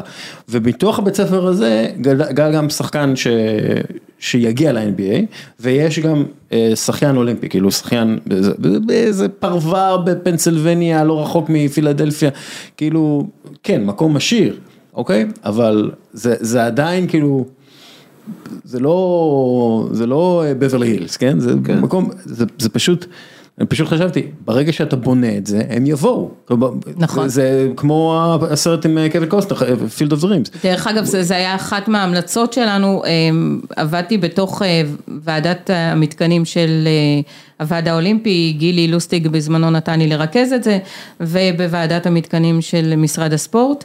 אמ, וזו הייתה באמת אחת ההמלצות שלנו, להתחיל להקים מבנים רב תכליתיים, כי אתה בעצם בונה... בבתי ספר. כן, אתה בונה כאילו על אותו תא שטח. כן. כאילו, כמה מתקני ספורט. זה, זה פשוט, זה, אנחנו כל הזמן חוזרים על אותו דבר, ניב, זה פשוט, כן. זה פשוט מדהים. Um, לפני כמה זמן אה, צייצת בטוויטר, עקבתי. אה, ככה, לא מבינה את הרציונל של הכדורגל הישראלי, מודה, ערן זהבי בגלל, אה, לא בגלל הבקשה לחדר לבד, קרי נראות ציבורית, אבל לזמן את עומר אצילי זה ראוי, איבדו את הבושה. מה, מה התכוונת? למה אצילי לא צריך להיות בנבחרת, נגיד את זה ככה. כי אני חושבת שאצילי בהתנהגות שלו הוא לא רול מודל שאני רוצה, שאני מאמינה שעליו צריכים אה, אה, לגדול ילדי ישראל. אני חושבת שהוא אה, עשה משהו מאוד לא ראוי. אה, זה בעיה שלו ושל אשתו, אבל אה, מצד שני נבחרת ישראל צריכה להיות אה, אה, באמת איזשהו רול מודל ואני רוצה, אני מאמינה שצריכים לגדל ספורטאים שיש להם גם ערכים מאוד מאוד שאתה רוצה לגדל חברה או את ספורטאי עתיד עליהם ועומר אצילי מבחינתי לא עשה כאילו באמת תהליך אמיתי, לא תהליך שהיועצת סכסוכים כתבה לו, הוא לא עשה תהליך אמיתי כדי שהחברה הישראלית או שהוא יהיה ראוי למקום בנבחרת ישראל. וראית בטח את הסתירה של גיא לוזון. לא ראיתי, ראיתי אחר כך בפייסבוק. כן, כלומר וגם דיברתי, יש הצלחות. רגע, רק חשוב לי להגיד שמבחינתי זה לא, אתה יודע, אני לא מדברת את זה החוצה, אני גם מדברת את זה פנימה, כי אמ, היה לנו מקרה עכשיו בחוץ לארץ okay. אוקיי. עם שחקן נבחרת, אמ, שהתחצף, התחצף לגורמים בצורה לא ראויה, והוא עלה על מטוס לישראל, אז הוא לא היה צריך לעשות מה שאצילי עשה. אה, אבל אה, איפה... מבחינתי כאילו הנבחרת וההתנהגות בתוך הנבחרת, הנורמות התנהגות, אה, הם מעל הכל. כי, אוקיי, כי למה? כי אם יגידו לך, לא, אבל ניצחנו את אלבניה, הנה, ניצחנו את אירלנד, זה מה שההתאחדות יגידו. נו, אז מה? אוקיי, למה, למה, למה זה חשוב, למה הערכים חשובים? כי אנחנו מעבר לספורטאים, אנחנו בני אדם, ומבחינתי יש נורמות התנהגות ש... ש... שלא חוצים אותם ולא חוצים, אני לא רוצה לגדל אצלי בענף אה, אנשים ש... אה, סליחה, כאילו שבאמת אה, פוגעים בנשים או מנצלים נשים או מציעים סמים, כאילו לילדות. אבקות, זה אבקה. אבקות, אבקות, וואטאבר. יש באמת נורמות התנהגות וניב יודע, כי למשל עשינו תוכנית חינוך וכתבנו תוכנית חינוך שאנחנו מאוד מנסים בדרכנו הצנועה ליישם אותה כי אין לנו את כל המשאבים אבל של צוות מנצח והרבה מתוך הצוות מנצח זה להנחיל ערכים מאוד חשובים לספורטאים שלנו כי יש את היום גם שאחרי הספורט הישראלי ש, שאתה מחנך אנשים לתרומה לחברה. אגב בכדורמים זה גם, יש הרבה שמגיעים לסיירות ולשייטת וזה ממש, זה ממש בית יוצר, כן, בית יוצר נפלא. אז... כן, אנחנו אצלנו, אני מעריכה שזה בהרבה מענפי הספורט הישראלי. במיוחד אולי, אתה יודע, כדורסל, כדורעף, כדוריד, כאילו באמת מקומות שמייצרים צוותים, אחר כך אותם האנשים, גם בשחייה הישראלית דרך אגב, שכבר בתהליך ההתבגרות עוברים תהליכים מאוד קיצוניים בעצם, כי להתאמן בספורט, זה, זה תמיד לוקחים אותך ללימיט שלך. בשלב זה או אחר, וזה באמת, אתם יודעים, כאילו השייטת באים ואומרים, את, אתם מכשירים לנו את הלוחמים הבאים בסך הכל. זה מזכיר לי, כאילו, המנצחים כותבים את ההיסטוריה, זה, זה משפט ידוע, אבל כאילו, זה, זה שניצחת לא אומר שעשית הכל נכון. נכון. אוקיי, ו... השאלה זה מה זה לנצח. כן, בדיוק. זאת השאלה. ומה זה לנצח לטווח ארוך? סזר לואיס מנוטי, המאמן שזכה במונדיאל 78 עם ארגנטינה, הוא אמר, אלו שאומרים שכל מה שחשוב זה הניצחון, מה קורה אם אתם לא מנצחים? אם, אם רק קבוצה אחת בליגה מנצחת, אז מה, כולם האחרים לוזרים, לא השאירו כלום אחריהם? אז כלומר, הכדורגל הישראלי עכשיו נהנה מתקופה של ניצחונות, אבל התקופה של ההפסדים תגיע עוד, עוד רגע, זה, זה יגיע, ואז מה יישאר אחרי ההפסדים? מה יישאר עם זה שעומר אצילי מחתים את הנבחרת? מה זה, מה משאיר לספונסרית? איך קוראים להם? אלטשולר. אלטשולר שחם. מה זה, הם, הם נהנים מזה שעומר אצילי לובש את החולצה עם הלוגו שלהם? למה הם לא אומרים שום דבר? כלומר, זה כי, כי בסופו של דבר כדורגל, בטח בנבחרות, הוא מייצג מישהו, וכשמחליטים להביא את אצילי לייצג אותי, זה אנטי נבחרת, זה אנטי כל מה שאני רוצה. אם העיפו את, את דאבור בגלל הדברים שהוא כתב, שהיו רמיזות כלשהן, כאילו נגד רשויות הביטחון, שהוא אחר כך הבהיר שזה לא זה, לא משנה. הם, הם לא העיפו אותו. כן, הם די העיפו אותו, עזוב, מה... העיפו אותו, ואגב, תסתכל כמה ערבים נשארו בנבחרת. שזה אגב נושא שאנחנו חייבים לדבר עליו באיזשהו שלב. אתה רואה שינוי מאוד מאוד גדול בכל הגילאים גם. שווה, זה לא קשור לרויטל, שווה לנו לדבר על זה באיזשהו שלב. למה אני אוהבת כדורגל, אפשר לדבר. יאללה, בוא נדבר. לא, סתם, יאללה. אנחנו, אני רוצה להתחיל לשאול אותך שאלות. רגע, אז לפני כן, יש נושא שאוראל שאל אותך בהתחלה מה זה מנהיגות. אני רוצה לגעת במשהו שעוד לא יצאנו בפודקאסטים לדבר עליו, כי אני חושב שאת ממש מייצגת את זה בצורה חזקה, כי דיברנו על מנהיגות אותנטית וכן הלאה. יש משהו, יש את ברנה בראון, היא מאוד ידועה בהרצאות TED שלה וכן הלאה, אפילו עכשיו יש לה איזה משהו בנטפליקס, היא מדברת על השילוב המאוד יפה שהיא עושה בין אומץ לבין פגיעות. היא אומרת שזה הולך ביחד. אתה צריך להיות מספיק אמיץ כדי להיות, להראות, להיות פתוח. להיות פתוח זה להיות פגיע. ויש משהו בך שהוא מאוד מאוד כזה. יש משהו שהנכונות שלך להגיד, אני זה מי שאני. אני לא מושלמת, יש לי דברים טובים יותר, יש לי דברים טובים פחות. וצריך להיות מאוד אמיצה כדי להביא את עצמך ככה. וזה משהו מאוד מאוד חזק, וכל פעם שאני רואה אותך במלחמות האלה, והאומץ שלך להיכנס לדברים האלה ו- ולחטוף אש. זה באמת משהו אה, ממש אה, מעורר הערכה, אני אומר את זה גם כי יש לי הזדמנות להגיד את זה לך, אבל אני, אני, אני, אני גם מנצל קצת את ההזדמנות הזאת כדי קצת להעלות את זה לשיח שהוא, שהוא כללי יותר, של זה הגדרה אחרת למה זה אומץ. אה, וזה מאוד מאוד יפה, ולפעמים אני משתאה, אני מסתכל עלייך מהצד, כמה מלחמות את בתוכו, זה... איך את עושה את זה, יואו, את לוקחת נשימה. כן, כי אתה יודע, אני תמיד אומרת שהמקום שלמדתי להילחם בו, אמ, זה דווקא היה בגיאורגיה. בגיאורגיה שהייתי תקועה שם עם התינוק שלי שנה וחצי, אה, אה, אה, סליחה, חס וחלילה, חודש וחצי, וזה היה בגלל איזושהי טעות באמת של, של הסוכנות של, של הפונדקאות. ויש שם איזה קטע שאתה לא יכול אה, אה, כאילו לשלוח את ה-DNA שלך אם אתה לא מקבל את התעודת לידה. אה, ומדינת ישראל אמרה אנחנו לא, אנחנו לא נותנים לכם אה, אה, לשלוח DNA. כאילו, והעורכי דין אמרו לי, אל, כאילו, אנחנו לא ממליצים לעשות, כאילו, אל תעשי את זה, כי אני אמרתי, לא, אני אשלח DNA לפני. אה, ותבעתי את מדינת ישראל, כאילו, הלכתי כנגד אה, עורכי הדין שלי, אמרתי, יש לי היגיון, אני יכולה להוכיח את זה ואת זה ואת זה. אה, אני רוצה בית דין, כאילו, אני רוצה בית משפט, וניצחתי שם, כאילו, ועל ידי זה הכרחתי את מדינת ישראל להכיר בילד שהוא... עם DNA שלנו, ותנו לי עכשיו את הדרכון אה, לעלות, והחזרתי אחריי עוד אה, שלוש ארבע משפחות באותו מתווה שיצרנו. אה, ואז זה לימד אותי ש... אתם יודעים ש... אנשים יכולים להיות עם טייטל כזה או אחר, אה, אבל אה, לי אין בעיה היום לריב איתם, ואין לי בעיה כאילו להתמקח איתם על דברים שאני באמת מאמינה וחושבת שאני צודקת בהם. אני לא, אני בן אדם שלא ילך להילחם במקומות שאני לא מאמינה שאני צודקת, אוקיי?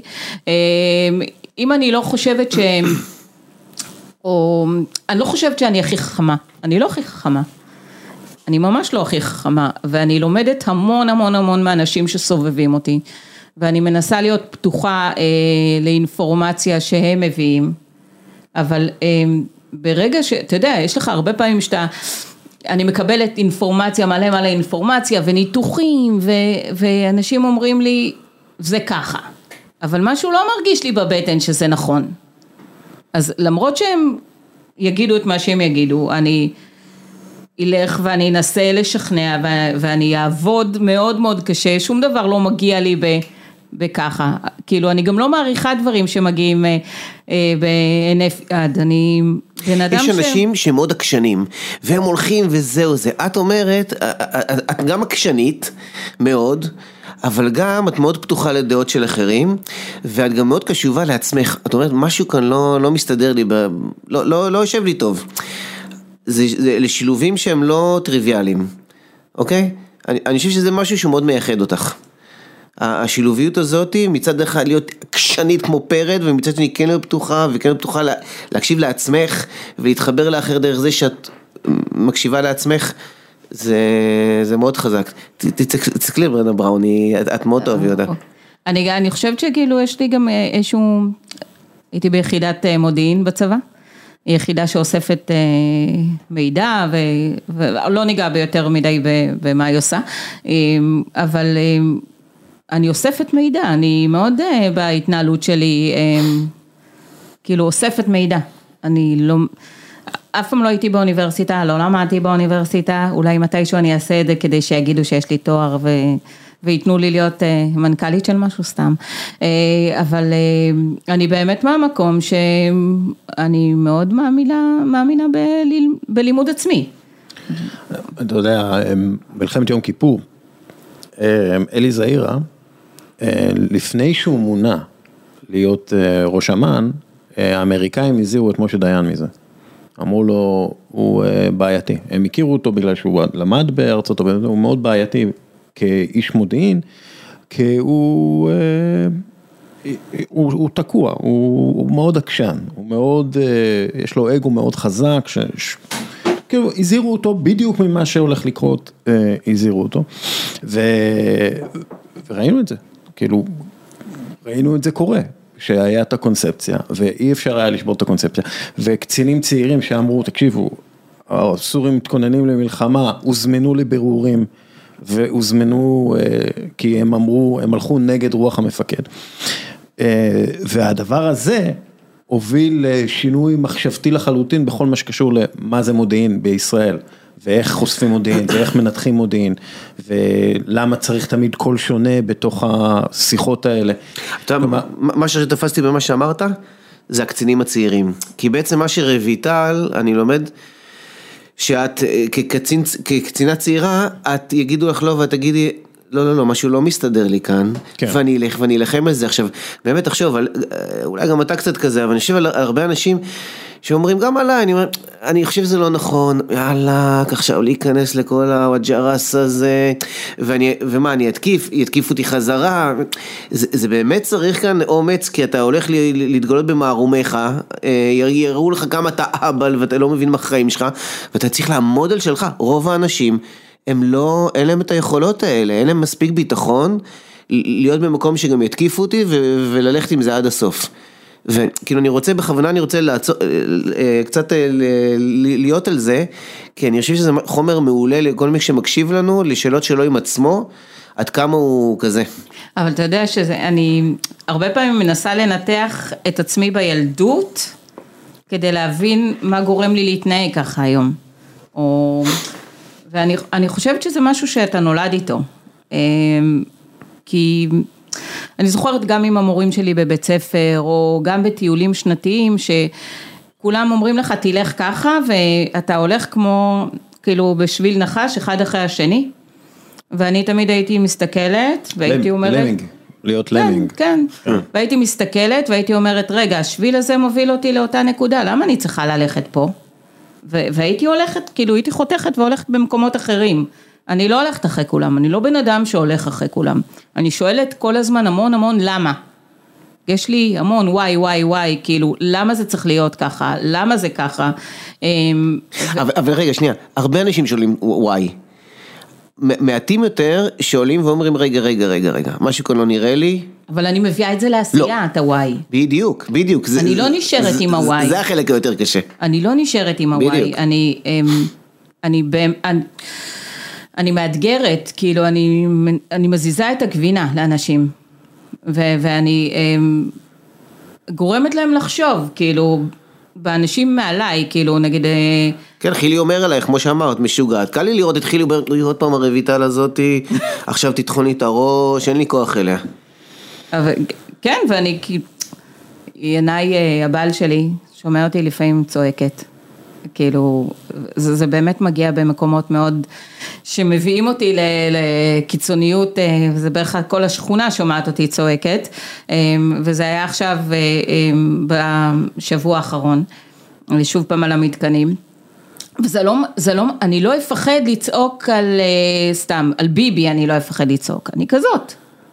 כאילו, אם אני באמת מאמינה שנעשה כאן עוול, אז אני אלחם על העוול הזה. כאילו ניסיתי, כאילו אמרתי, מתישהו, אה, אמרתי, אמרתי לעצמי, תגידי, על מי את לא, כן, על מי כאילו לא תצעקי? אז אה, ו- וזה לא שאני, אני לא רוצה לצעוק, אבל כאילו, כשאני באמת, אה, הדברים בוערים בבטן, אז אני לא מצליחה לעצור את עצמי. והרבה פעמים אחרי, אחרי הצעקות גם יהיה הרבה פעמים בכי, כי אני, באמת כל האמוציות, אבל שוב ניב, אם נחזור לזה, אני, אני באמת אה, מאמינה שכאילו צריך להעביר את הוואי, כאילו, כי אולי דברים שהתאימו פעם לא מתאימים היום, וצריך לשנות את החשיבה, ואני, אה, אם מקודם דיברנו על ה... אה, תוכנית התקצוב, או איך שהיום כאילו מתקצבים את. הספורט הישראלי. אז אה, אני מאמינה שהיא נכונה. אולי צריך לדייק אותה לפה, לשם. אה, אה, היה לי מאוד מאוד קשה עם המלחמות שהיו כנג, כנגדה, כי אני האמנתי, נכון, וזה טוב לאיגוד הכדור מים. מאוד. אבל- זה כן, ממש כן. כפוף על היד עכשיו מה שיש. אבל כאילו מבחינתי זה, זה, זה נכון, זה נכון אה, אה, לתקצב על הישגיות, זה נכון אה, אה, למדוד, אה, למדוד הישגיות, אה, ובאמת, אם מישהו משיג ומראה תוצאות, אז אה, בוא תעזור. אוקיי. אוקיי, שאלות, אה, אבל זה לא אומר שלא צריך תשתיות, צריך הרבה תשתיות. כן, זה- הבסיס. אה, שאלות אה, קצרות, תשובות קצרות, או איך שאת רוצה. איך בוחרים אנשים לעבוד איתם? וואו, אמ, האמת, אני מה זה לא טובה בזה אה, לתת איזושהי נוסחה, כי אני בדרך כלל מרגישה את זה בבטן. אני אה, מתיישבת, מדברת, או רואה אנשים, אמ, ואז אני מרגישה בבטן אם זה נכון לי לעבוד איתם כן או לא. דוגמה כשלא היה נכון. לא, לא צריך שמות כמובן, אבל כאילו, דוגמה. מה, מה, מה, מה לא, מרגישים לא, בבטן? לא היה כאילו מישהו אמ, שאני מרגישה שאני קלטתי לתוך הארגון שלנו, שהוא לא היה נכון. לא, אבל ברעיונות כאילו, לא יודע, ברעיונות עבודה, או לא יודע, איך זה עובד. אני יכולה להגיד לך סתם, אה, כאילו דווקא המנהלת האדמיניסטרטיבית של האיגוד ובחורה בשם שרון קוגן, טורפת עליה, אמ, איך שהיא נכנסה לחדר, כאילו וראיתי אותה, אמרתי את זאת, אל תשאל אותי למה, היא כבר ארבע וחצי שנים איתנו. כאילו, ועושה עבודה נפלאה. או עם עמית המנכ"ל, זה היה כאילו אה, שיחה אה, על ארוחת אה, צהריים, אה, מרק כתום, הוא עד היום אומר שהרגתי אותו, ו- אה, והוא שלוש וחצי שנים. אבל אה, באמת, כאילו, אתה יודע, יש, יש גם אנשים שמתאימים לתקופות מסוימות, ואתה נותן איתם את הקפיצה אה, קדימה, וברגע שאתה רואה שזה כבר אה, לא עובד אה, לש- לשלב הבא, והבן אדם יותר עוצר אותך ממקדם אותך, אז אה, צריך אה, לדעת להיפרד, כמה שזה קשה. עם דימיטרי זה גם היה ככה? אהבה ממבט ראשון? דמיטריס, אני זוכרת עד היום את הארוחת ערב, שאולי זה משהו שקשור לארוחות אצלי. אגב, בארוחות- בארוחות, זה- את מכינה הכל, נכון? כשאת עוברת על המרק הכתום זה את עשית, לא? אף פעם לא. אבל אה, אה, זה- אגב, זה ארוחות, אה, למשל תומאס אדיסון היה מנהל רעיונות עבודה עם ארוחות, ואם מישהו היה שם מלח לפני שהוא תואם את המרק, הוא לא היה לוקח אותו. למה? כי הוא הסיק מסקנה. הוא הסיק מסקנה לפני שהוא ניסה. והוא אמר, אני לא רוצה כאלה אנשים. אז הוא יכול להיות שיש פה, את יודעת, אם הוא לא עומד בחריף, אני, לא. אני, חייבת, אני חייבת להגיד שעם דמיטריס לדוגמה, אה, זו הייתה ארוחת ערב ושיחה, אה, שלרגע אחד בשיחה הארוכה, והיא הייתה מאוד ארוכה, הבן אדם לא אמר אני. גדול. לא, לא, אנחנו, לא, אנחנו פשוט דיברנו בדיוק על זה, על העניין של האני. אוקיי, למה, זה, זה כאילו, זה כמו ילחוס, אותו דבר לעומת... אה, אין. אני, אין אני, כאילו זה היה כאילו, וזה היה אחרי מאמנים ישראלים, שכל הזמן הייתי אומרת להם, תפסיקו לדבר כל הזמן על מה שאתם עושים. המעשי, העשייה שלכם וההצלחות שלכם ידברו בשם עצמם. כאילו, תפסיקו להגיד אני, אני, אני, אני. ודמיטריס, אה, משהו שכאילו באמת אה, רצתי בו, זה היה שכשהוא... היה עם הכוכבת אה, של, של הנבחרת, ומתישהו, אה, או כמה בנות אחרי, אחרי ניצחון, ישבו על סף אה, הבריכה ובכו. והוא בא ושטף אותם, וכאילו אחר כך אה, באתי אליו ואמרתי לו, דמיטריס, כאילו למה צעקת? אחרי ניצחון הם בכו? אחרי ניצחון הם אוקיי, בכו. אוקיי. דמיטר... ואמרתי לו, דמיטריס, למה, צעקת עליהם ככה? אז הוא אמר לי, כי הם שמו את עצמם לפני הקבוצה. הם בכו כי הם הרגישו שהם לא שיחקו מספיק טוב. ואת לא תבכי כשאת מנצחת, את לא תבכי כשאת מנצחת לפני הקבוצה שלך. תלכי, תהיי בשירותים, תבכי שם בשקט, ותחזרי ותחגגי עם הקבוצה. כי הקבוצה היא מעל הכל. אתה יודע, טים דנקן, אה, ועשיתי ניתוח של כל המסיבות עיתונאים שלו, הוא אף פעם לא אמר אני. אף פעם לא אמר אני. טוב, תמיד הוא- אמר, הוא דוגמה קיצונית. הוא דוגמה קיצונית, עכשיו אמרו, שאלו אותו לאחרונה, למה אף פעם לא דיברת על עצמך? הוא אומר, מה זה משנה? אז יכול להיות שהייתי משיג עוד אה, חסות פה ושם, אבל זה לא שינה לי למה שקרה בתוך הקבוצה. זה אין, אין אני בזה, אם מישהו אחד קולע, כולם קולעים, כאילו אין, אין אני.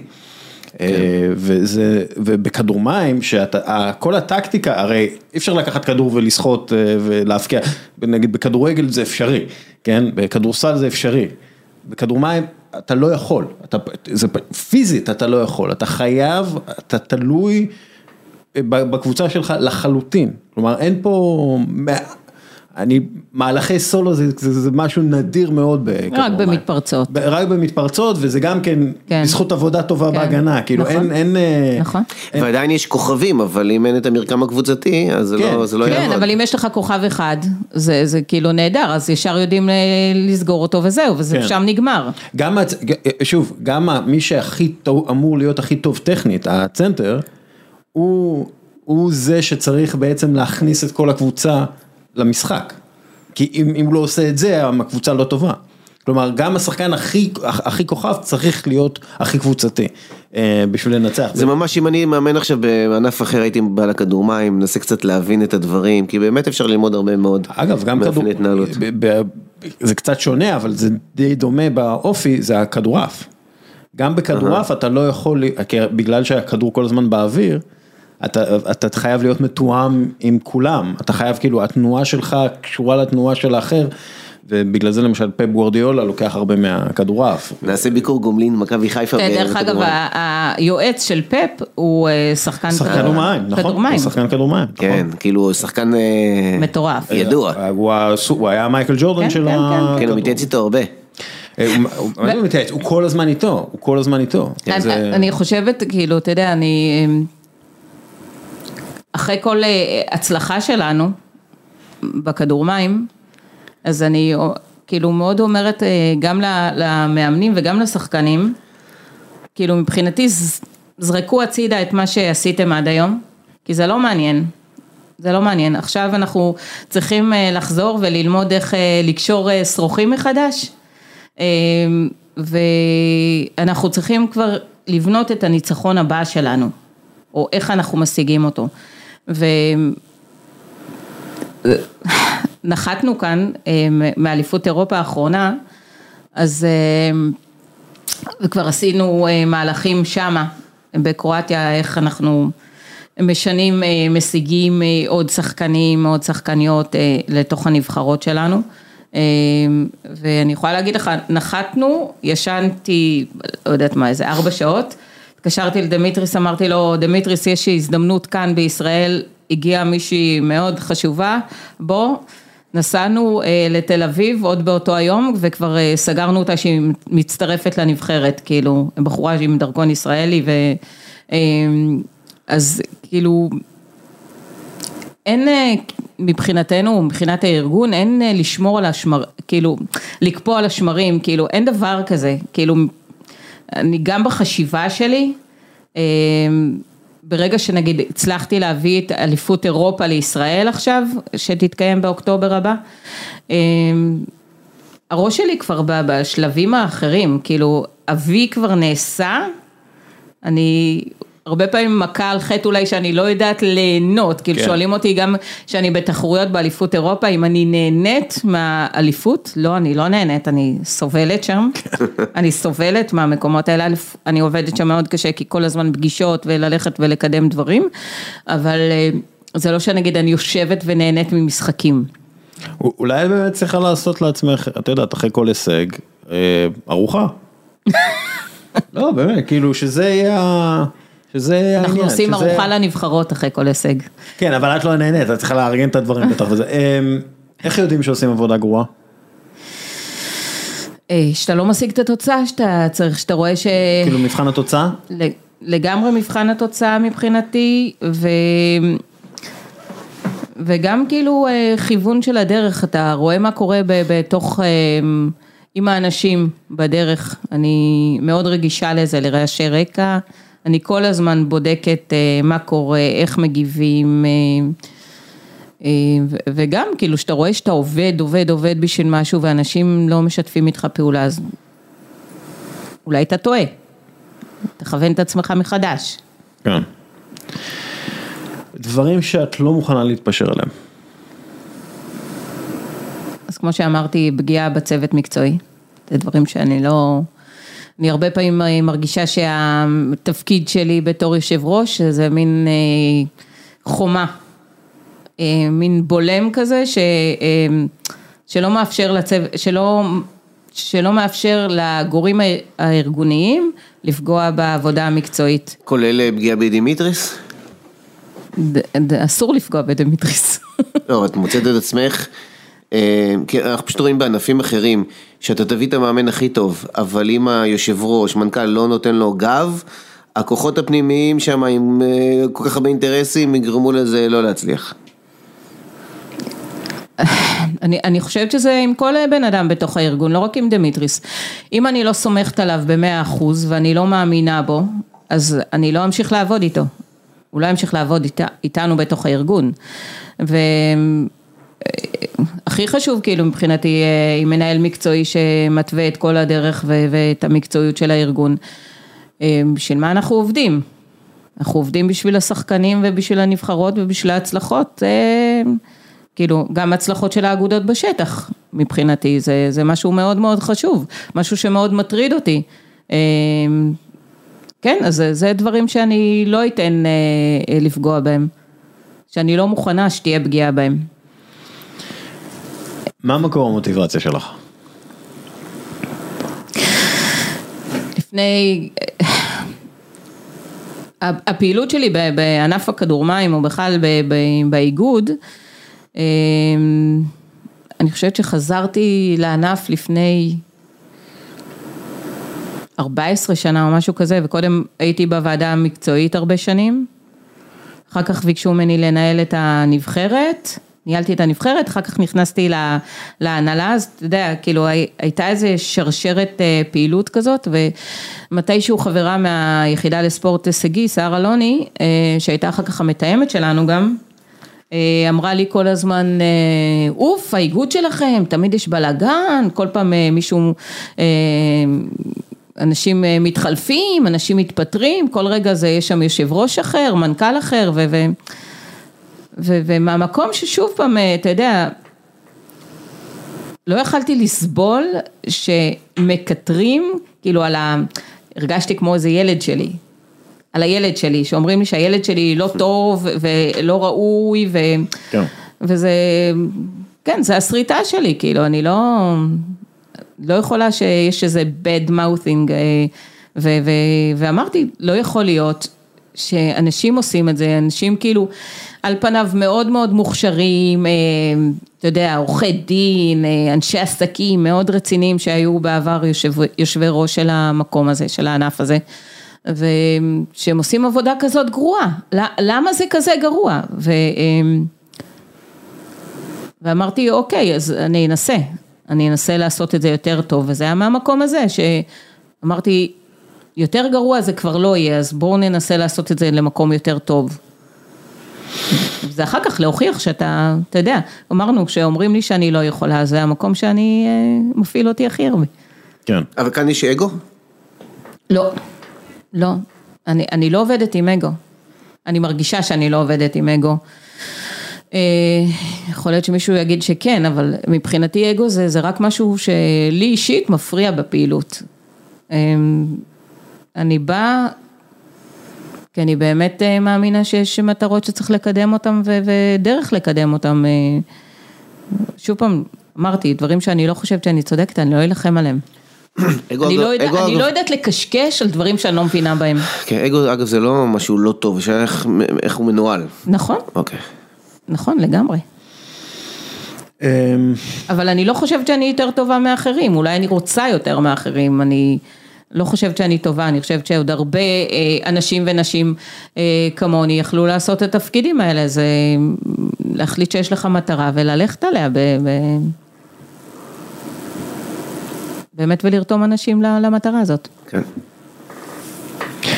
מורשת אישית, כמה היא חשובה לך?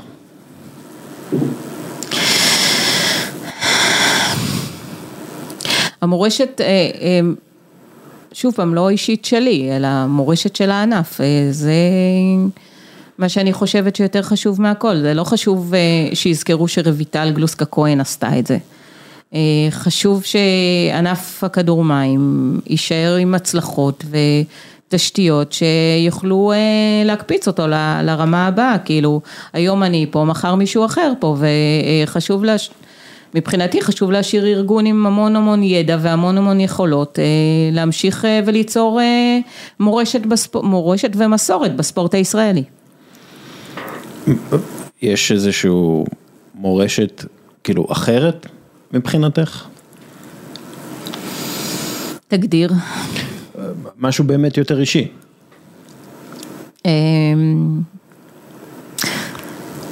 לא דיברנו על זה, אבל אולי אה, מבחינתי זה שאני אה, מגדלת ילדה עם צרכים מיוחדים, את ניר.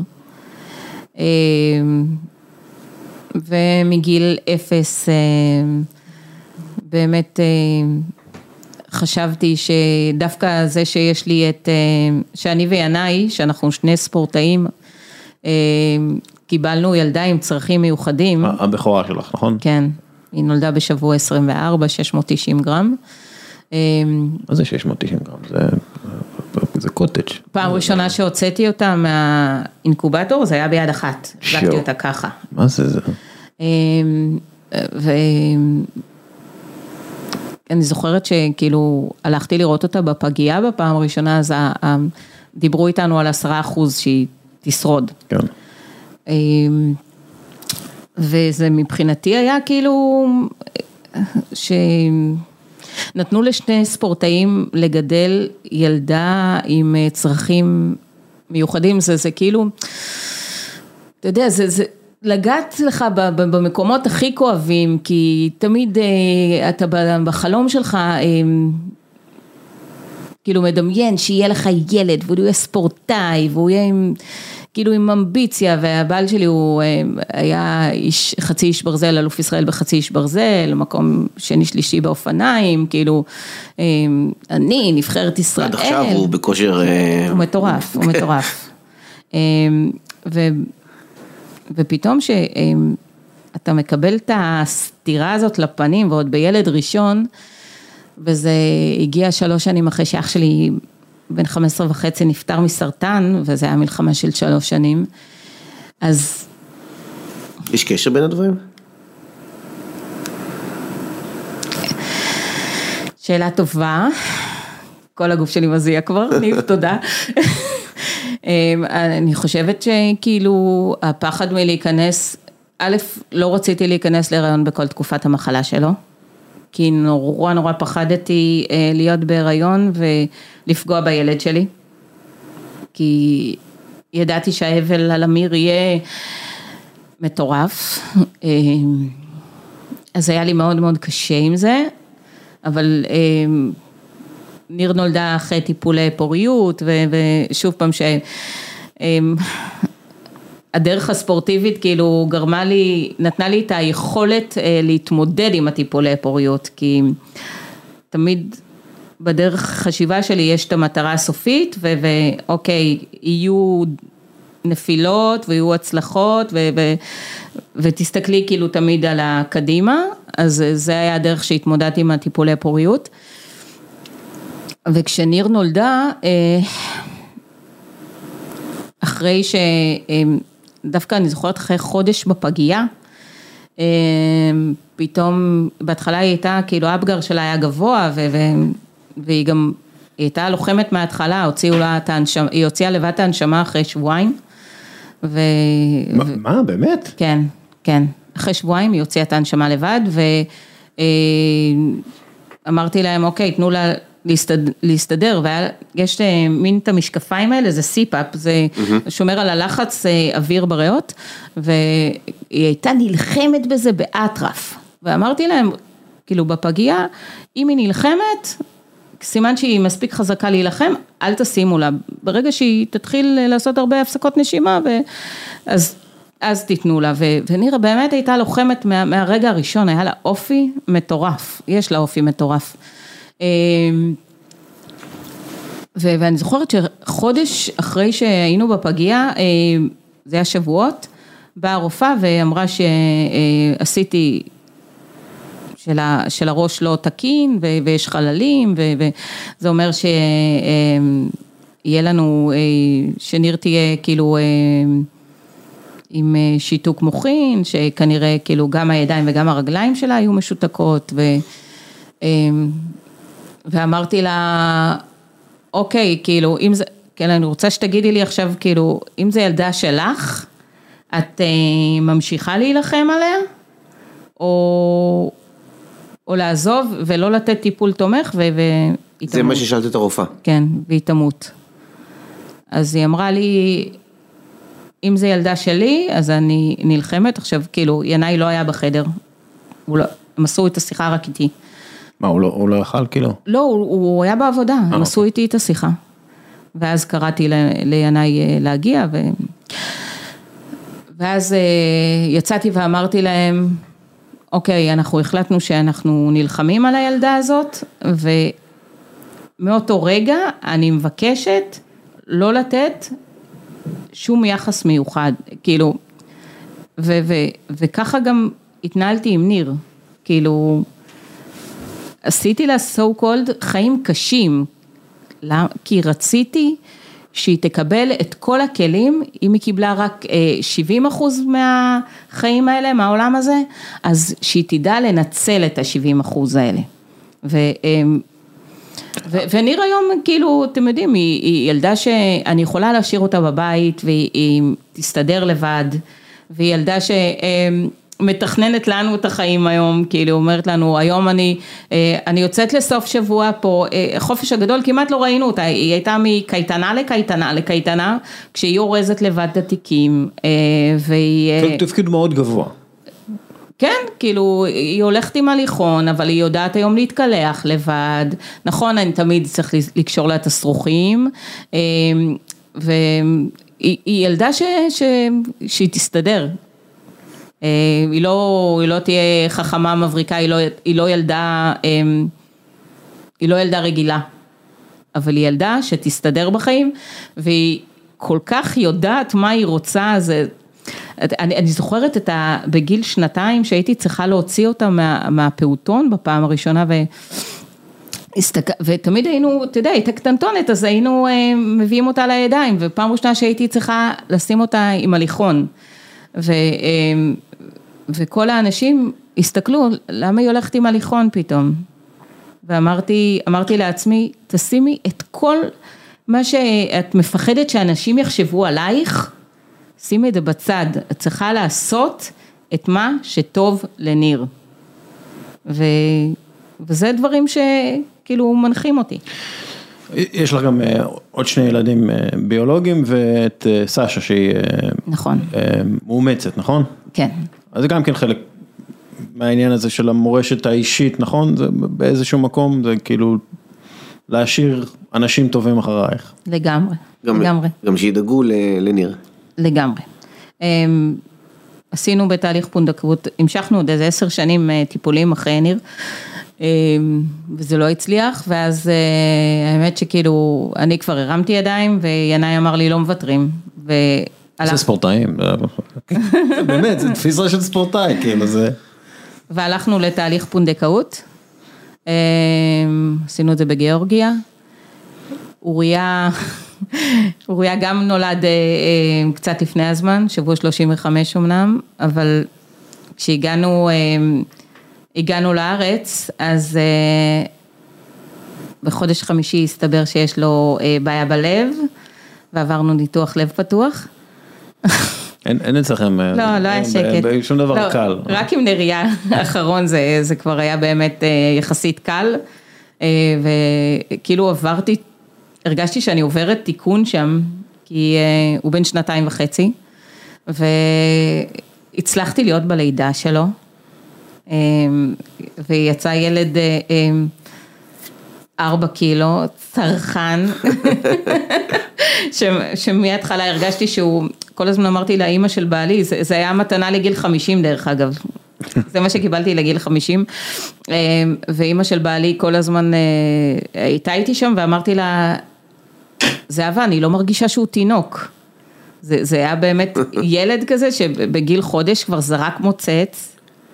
כאילו, ו- וישן כל הלילה משמונה בערב עד 11 בבוקר. מה שנראה, פינקו אותך. כן, כאילו, וככה, והוא ילד, והוא ילד שאני אראה לך, כאילו, תראו תמונות שלו, זה ילד שמסתובב עם כדור ביד אחת כל הזמן. אוקיי. הוא, והוא... עושה הטעיות כאילו? הכל, הוא כבר שוחה, דרך אגב הוא שוחה ודמיטריס אמר שהוא מוכן להביא אותו לסדנת זריקות לבנות כי הטכניקה שלו כל כך נכונה, אז... יפה. טוב, המלצה על ספר? אני לא קוראת הרבה, אבל כשאני קוראת זה בדרך כלל יהיה ביומיים. והספר שהכי השאיר בי, כאילו...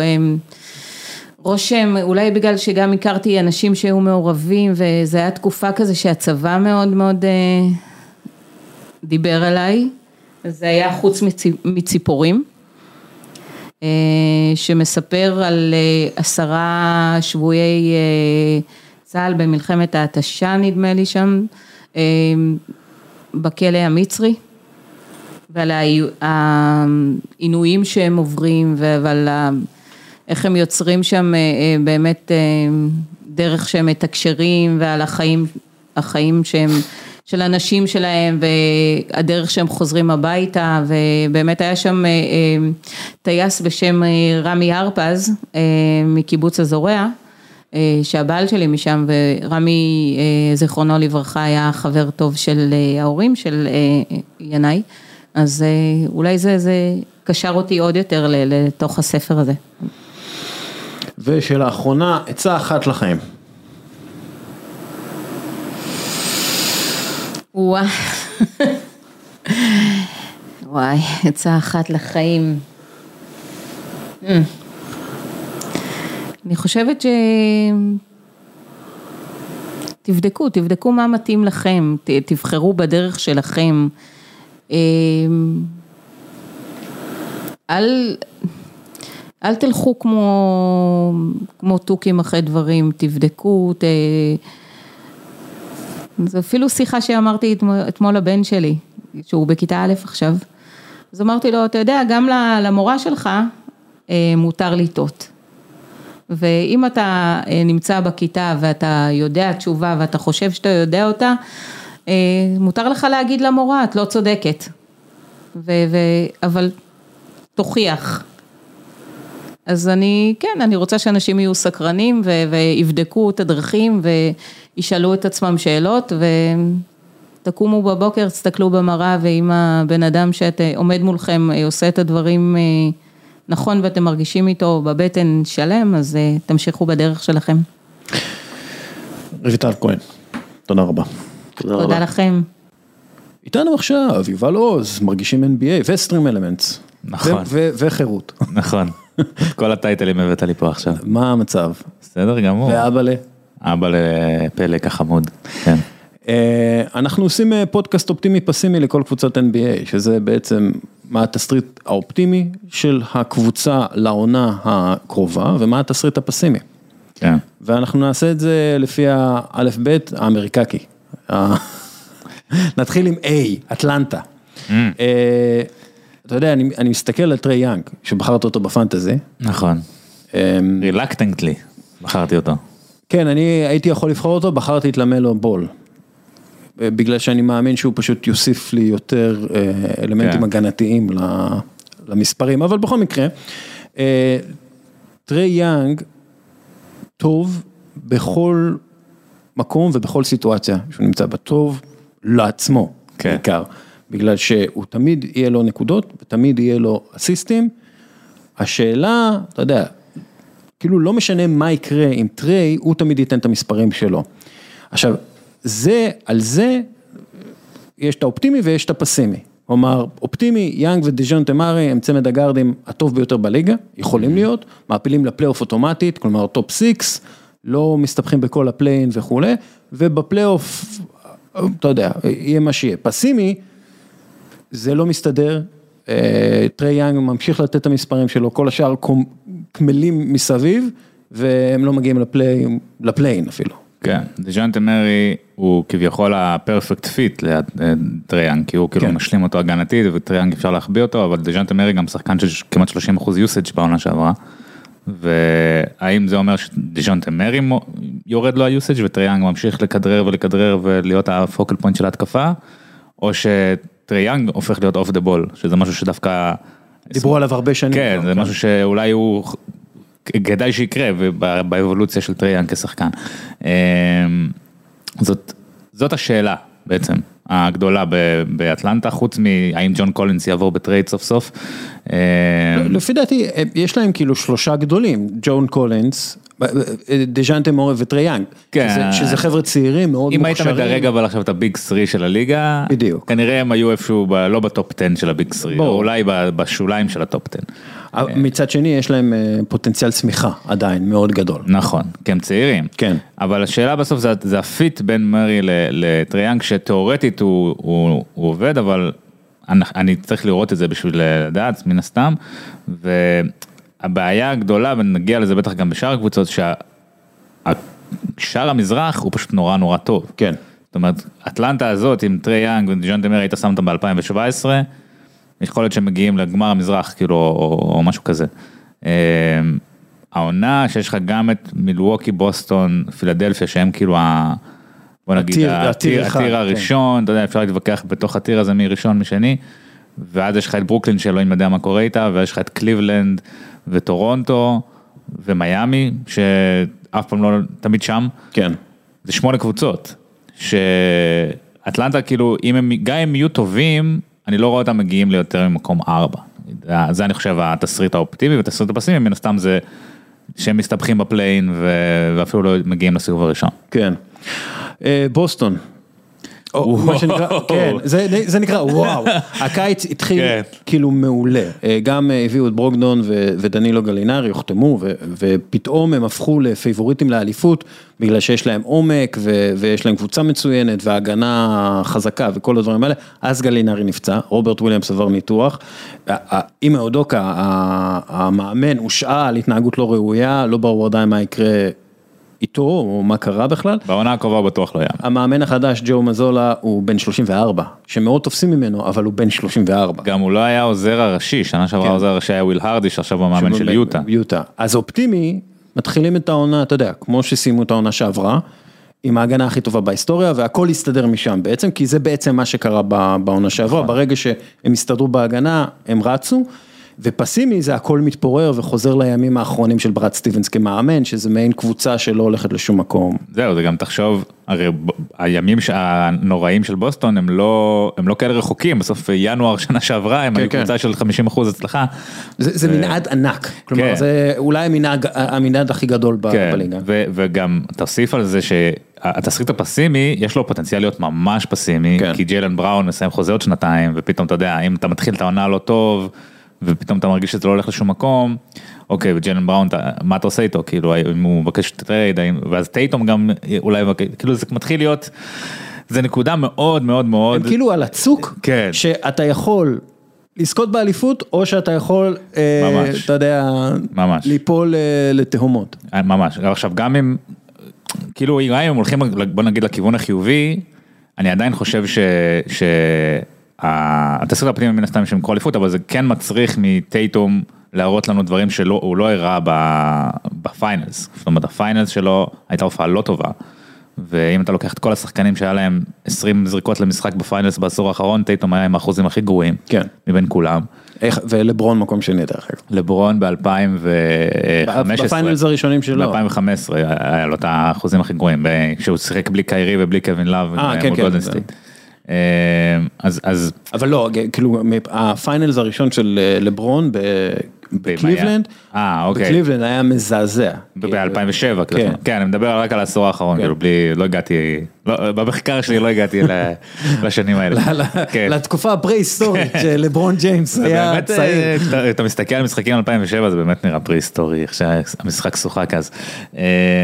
בוסטון בעיניי זה או אליפות או הדחה בסיבוב הראשון, זה כאילו, כן, אה. אשכרה, ה- הטווח הוא כזה גדול. זה כזה גדול, אמ, אנחנו לא רואים איזשהו אה, אסון של לא להגיע לפלייאוף. אה. לא, יש להם בסוף בסיס מאוד חזק, הם גם הביאו את ברוקדון, זאת אומרת, הם, הם, קבוצה טובה, גם בעונה שעברה כשהם היו קטסטרופה, הם עדיין היו בפליין, הם היו כאילו זה, ואז הם פתאום התפוצצו. כן, זה באמת, רק אה, באמת אה, פציעות, אה, נגיד לטייטום או בראון. אבל זה- פציעות זה כאילו, אני מנסה בתסריט כן, הפסימי כן, אפשר. לנטרל את כן, הסיפור של הפציעות, כי זה יכול לקרות לכולם. כן, כן, אי אפשר, אי אפשר, לא, לא לא כן. הכנסנו את העניין של הפציעות, חוץ מ, אתה יודע, קבוצות שאין מה לעשות, ו- בונות על, שחקנים פצועים.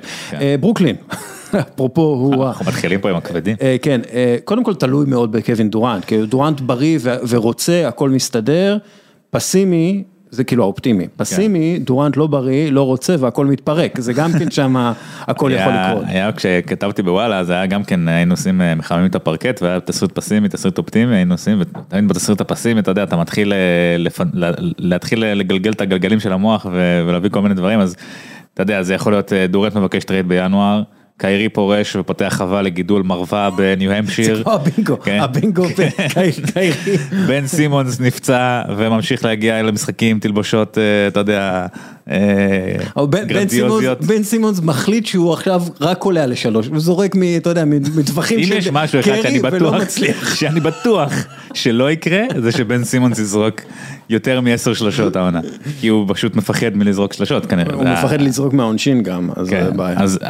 ובלי קשר יש שם המון המון המון, אתה יודע, אינטריגות בתוך המועדון, דורנט רצה לפטר את סטיב נש ושון מרקס, וברוקלין לא עשו את זה בסוף, זה אני. אשאל שאלה שנשמעת קצת חילול השם, כמה דורנט טוב כרגע, ואני אתן לך איזשהו נתון. בגיל 34 לברון ג'יימס היה עם שורה סטטיסטית של, אה, בפלייאוף, של אה, 27 נקודות, 8, אה, 8 וחצי ריבאונדים, 8 אסיסטים, אה, 53 אחוז EFG, כלומר אה, אחוז כליאה יעיל. בגיל 33, קווין דורנט עם 26 נקודות, פחות משישה אה, ריבאונדים, שישה אסיסטים, 43 אחוז EFG, ותבוסה נגד צלטיקס בפלייאוף, שבה הוא... כן.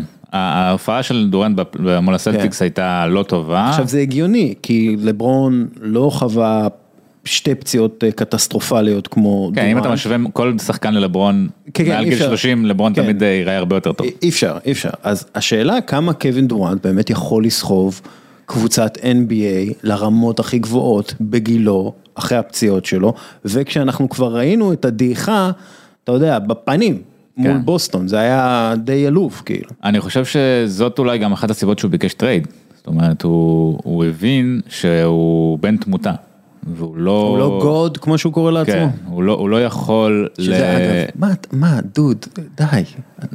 תשמע, קווין דורנט, זה- אני, אני, יש פער מאוד מאוד גדול בין כמה שאני אוהב אותו בתור שחקן, לכמה שאני פשוט בז לו בתור אישיות. כאילו, למה אתה עושה לעצמך את מה שאתה עושה בטוויטר? עזוב, זה דיון אחר, כן. כאילו, אני לא, לא אכנס לזה. אה, אני אשלח לך בוואטסאפ אה, אחלה סטיקר, אפרופו. סבבה. כן.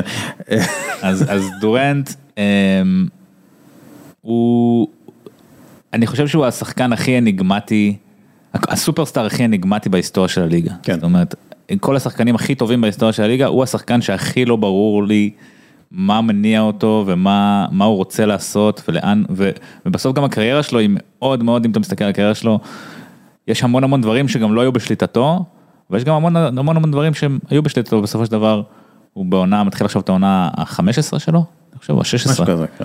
יש לו שתי אליפויות, שזה שתי אליפויות הכי פחות מרגשות כנראה ב-30 שנה האחרונות בליגה, 2017 ו-2018 עם הווריורס, ו-time is running up, כאילו, או, ש... או שהוא מצליח לחבר את הדבר הזה בברוקלין, עם קיירי הדבר ובן סימונס. מאוד לא סביר שזה יקרה, ורויס אבל, אוניל. כן. אה, כאילו תאורטית, אתה יודע, על הנייר, אנחנו חייבים להגיד, יש להם את כל מה שצריך, סגל, קליעה, אין להם ריבאונד, אין להם גבוהים, אין להם גבוהים, הם כן. קבוצת ריבאונד הכי- גרועה בעונה שנה שעברה, אולי סימונס יעזור בזה, אבל, אבל זה בסוף על דורנט. מבין? קיירי, אנחנו יודעים, הוא מוכשר, אבל הוא פסיכופת, סימונס, לא יודע, כאילו זה איזשהו wild card, אבל בסוף דורנט, גם אם הוא, הוא, הוא רוצה, אתה יודע, הוא כל הזמן מדבר, הוא כן מדבר על זה שה legacy לא חשוב, אבל הוא כן, כן. מאוד מאוד מתעסק בזה, ובשביל ה legacy שלו, חייב שמשהו בברוקלין, שזה לא- שזה לא ייזכר כזה פיאסקו. כאילו. והפוטנציאל שזה יהפוך לפיאסקו מרהיב הוא גדול מאוד. כלומר, כן. ה- הסיכויים, אם אתה שם את זה, כאילו הסיכויים, יש סיכויים רבים יותר שסטיב נש ילך מכות עם קיירי ארווינג באמצע המגרש, כן. במשחק נגד ניו יורק ניקס, מאשר שהם יזכו באליפות. אה, אני, אני, אני לגמרי בעד סטיב נש בריב הזה, אה, אבל אה, בואו נעבור לשרלוט הורנץ. וואו, איזה שעמום. לא, האמת היא זה לא משעמם, כי אתה יודע, ג'יימס בורגו הוא, ה, הוא המאמן היחיד בהיסטוריה שפוטר, אחרי ששיפר את מספר הניצחונות של הקבוצה שלו בכל עונה בה אימן, כן?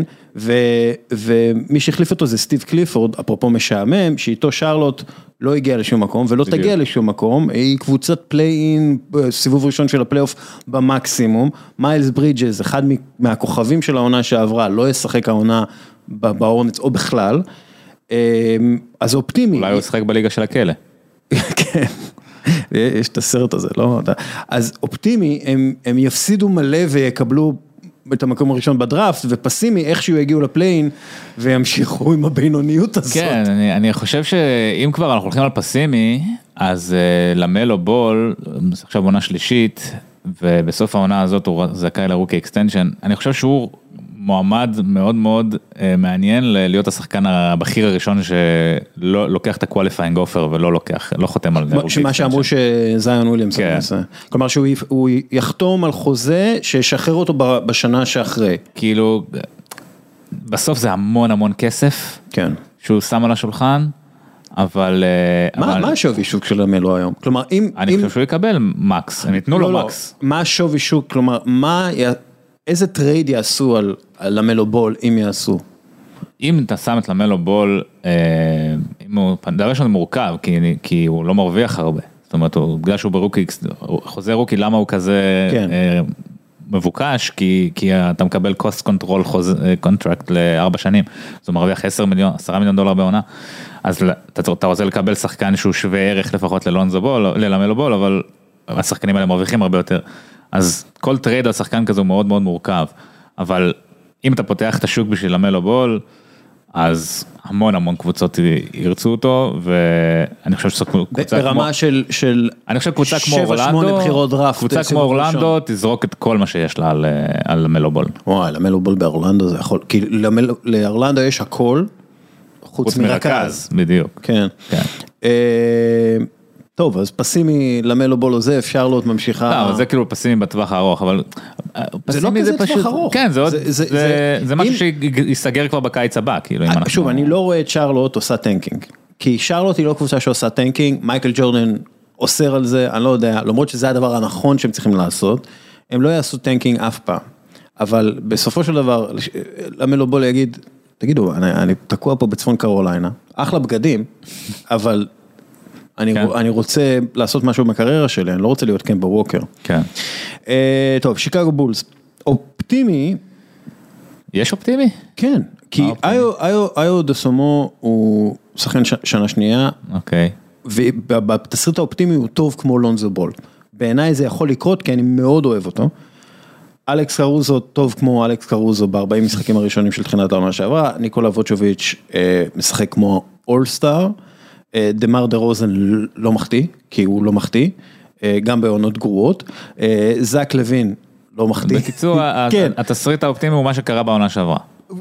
פלוס פטריק וויליאמס הוא אחד משחקני ה-NBA הכי אה, טובים בליגה, קובי ווייט הוא השחקן השישי של העונה, אה, ואחרי תחרות מאוד קשה עם אנדרה דראמונד על התפקיד הזה של השחקן השישי הטוב של העונה, יחד עם גורן דרגיץ', ואולי ככה, כשהכל מסתדר, הם, הם מעפילים לפלייאוף. עכשיו תצא מהפטריית הזיה שאתה חי בה. ובדיוק, הרבה דברים צריכים להסתדר, המון דברים צריכים להסתדר בקטע מושלם כדי שזה יהיה אופטימי. ולא הרבה דברים צריכים להסתדר כדי שתהיה נפילה מאוד קשה. כן.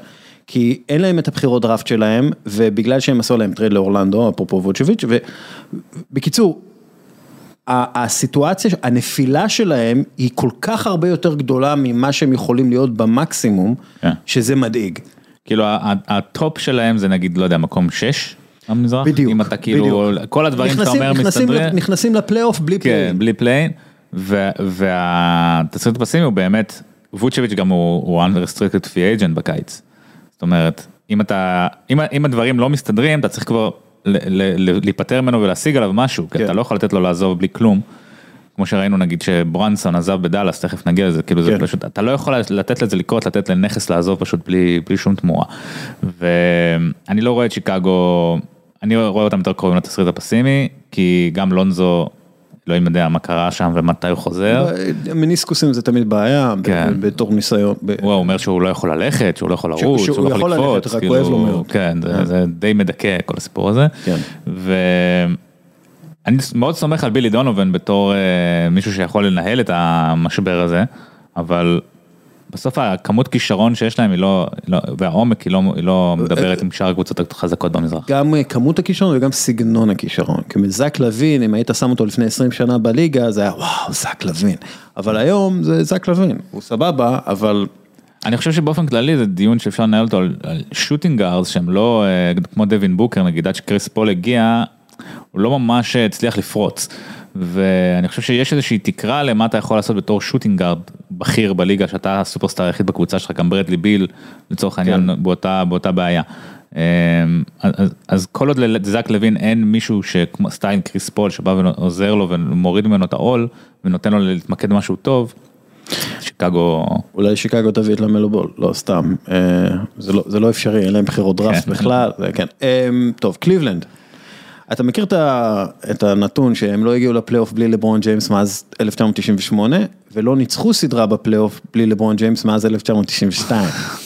אז אופטימי, הם מגיעים לפלייאוף ומנצחים סדרה בפלייאוף בלי לברון ג'יימס, שזה משהו שלא קרה מאז המאה הקודמת, ופסימי, אחד מהרצפים הזה נשאר בעצם, כן. כלומר דונובן מיטשל לא מתחבר הכי טוב עם השלישייה הטובה שיש להם כבר במקום, ו- ומנסים שוב בעונה הבאה, כלומר זה הפסימי, הפסימי הוא יחסית אופטימי. כן, אני חושב שהרצפה שלהם היא יחסית, בניגוד לשיקגו, כאילו כן. הרצפה שלהם היא play-in, והתקרה שלהם היא מקום 3-4.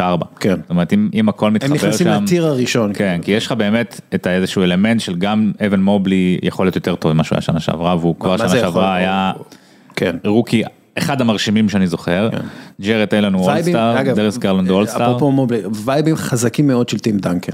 כן. בהתנהלות, בסגנון משחק.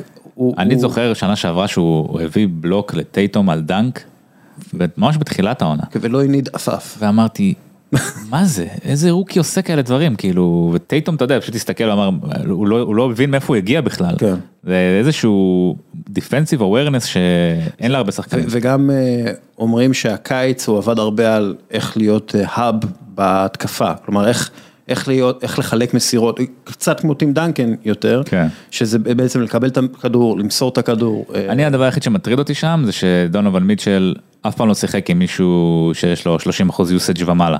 זאת אומרת אותה בעיה שיש עם טרי יאנג ודג'ונטה מארי, אז פה יש עם דונובן מיטשל ודריוס גרלנד, שדריוס גרלנד גם ההתפוצצות שלו תכלס הגיעה אחרי שקולין סקסטון נפצע, זאת אומרת אז נתנו לו כן. את המפתחות, פתאום ראו כי טוב והוא מנהל משחק מדהים. מצד שני, כשאתה מדבר על אה, דונובן מיטשל, הוא תמיד היה point shooting guard כזה, נכון. ביוטה, וקונולי, אתה יודע, הוא הגיע אחרי השיא שלו, ודריוס גרלנד יכול להיות בעצם ה- הקריס פול של דונובן מיטשל, כמו שקריס פול הוא כן. הקריס פול של דווין בוקר. לא, התסריט האופטימי, אם אנחנו מסתכלים קדימה, התסריט האופטימי זה שעוד 3-4 שנים הם, הם אלופים. כן. זאת אומרת, זו קבוצה שיכולה, יש לה, יש לה את הקור של קבוצה אלופה. אה, כן, אולי גם העומק לא הכי עומק, אבל הם, שוב, זה, זה בעיה ש... זה בעיה טובה, כן. זה משהו שהם יכולים לשפר. כן, אם אתה. זה, זה דברים, כאילו את החלק הקשה של הבנייה, פוסט לברון, הם עשו. כן. עכשיו הם צריכים רק לוודא שזה באמת מתחבר, שזה באמת, אה, אה, יש להם את העומק שהם צריכים, והם, העונה זה לא יקרה, אבל אני חושב שאם העונה הם יגיעו נגיד לחצי גמר אזורי, ואתה יודע, יודחו מול בוסטון, מילווקי, פילדלפיה בשבעה משחקים נגיד, אז, כן. אה, אז זה ייתן לך איזה תחושה, אוקיי, יש פה קבוצה הם, חדשה הם פה בעיר. להישאר, כן. אה, דאלאס, אופטימי, לוקה דונצ'יץ' MVP, אה, דאלאס הם הפיניקס של העונה שעברה, עולים לפלייאוף מהמקום הראשון ואללה בבאללה. פסימי, ג'יילן ברונסון זה, זה אובדן גדול מדי, קריסטן ווד לא טוב מספיק, הקבוצה לא טובה יותר מנבחרת סלובניה, כלומר, הם מגיעים גבוה, אבל זה, זה, ה, זה, המקסימום, הם כן. לא יכולים באמת לזכות באליפות. דאלאס באמת נמצאים ב, בנקודה, אמרנו על, על, אה, על בוסטון שנמצאים באיזשהו קליף כזה של או, שהם הולכים קדימה או שהם הולכים אחורה, אז דאלאס ממש נמצאים שם, גם כן אני חושב, כי ברונסון זה אבדה, הם, אתה יודע, קחו איזשהו ריבאונד כזה עם קריסטיאן ווד, אבל קריסטיאן ווד הוא free, הוא free agent בקיץ, זאת אומרת, אתה צריך שזה יעבוד. כן, והוא גם לא שחקן שניצח יותר מדי. הוא לא שחקן ששיחק אי פעם בקבוצה ש... כן. עם, עם אספירציות רציניות אה, לשחק כדורסל אמיתי. אה, ולוקה בא אחרי קיץ עם אה, סלובניה, אין אף שחקן אחר ברוסטר שיודע להקפיץ חוץ מספנסר דינווידי. ו... ו... לא, אגב, ספנסר דינווידי, איך שאני רואה את זה, הוא נכנס לתפקיד של ברונסון מאוד חזק, ואז במהלך העונה, דאלאס מוצאת איזה מישהו שאתה יודע, שימלא את תפקיד הדינווידי. כן. כי ברגע שדינווידי הגיע לדאלאס, אה, דאלאס ניצחה הכי הרבה משחקים בליגה.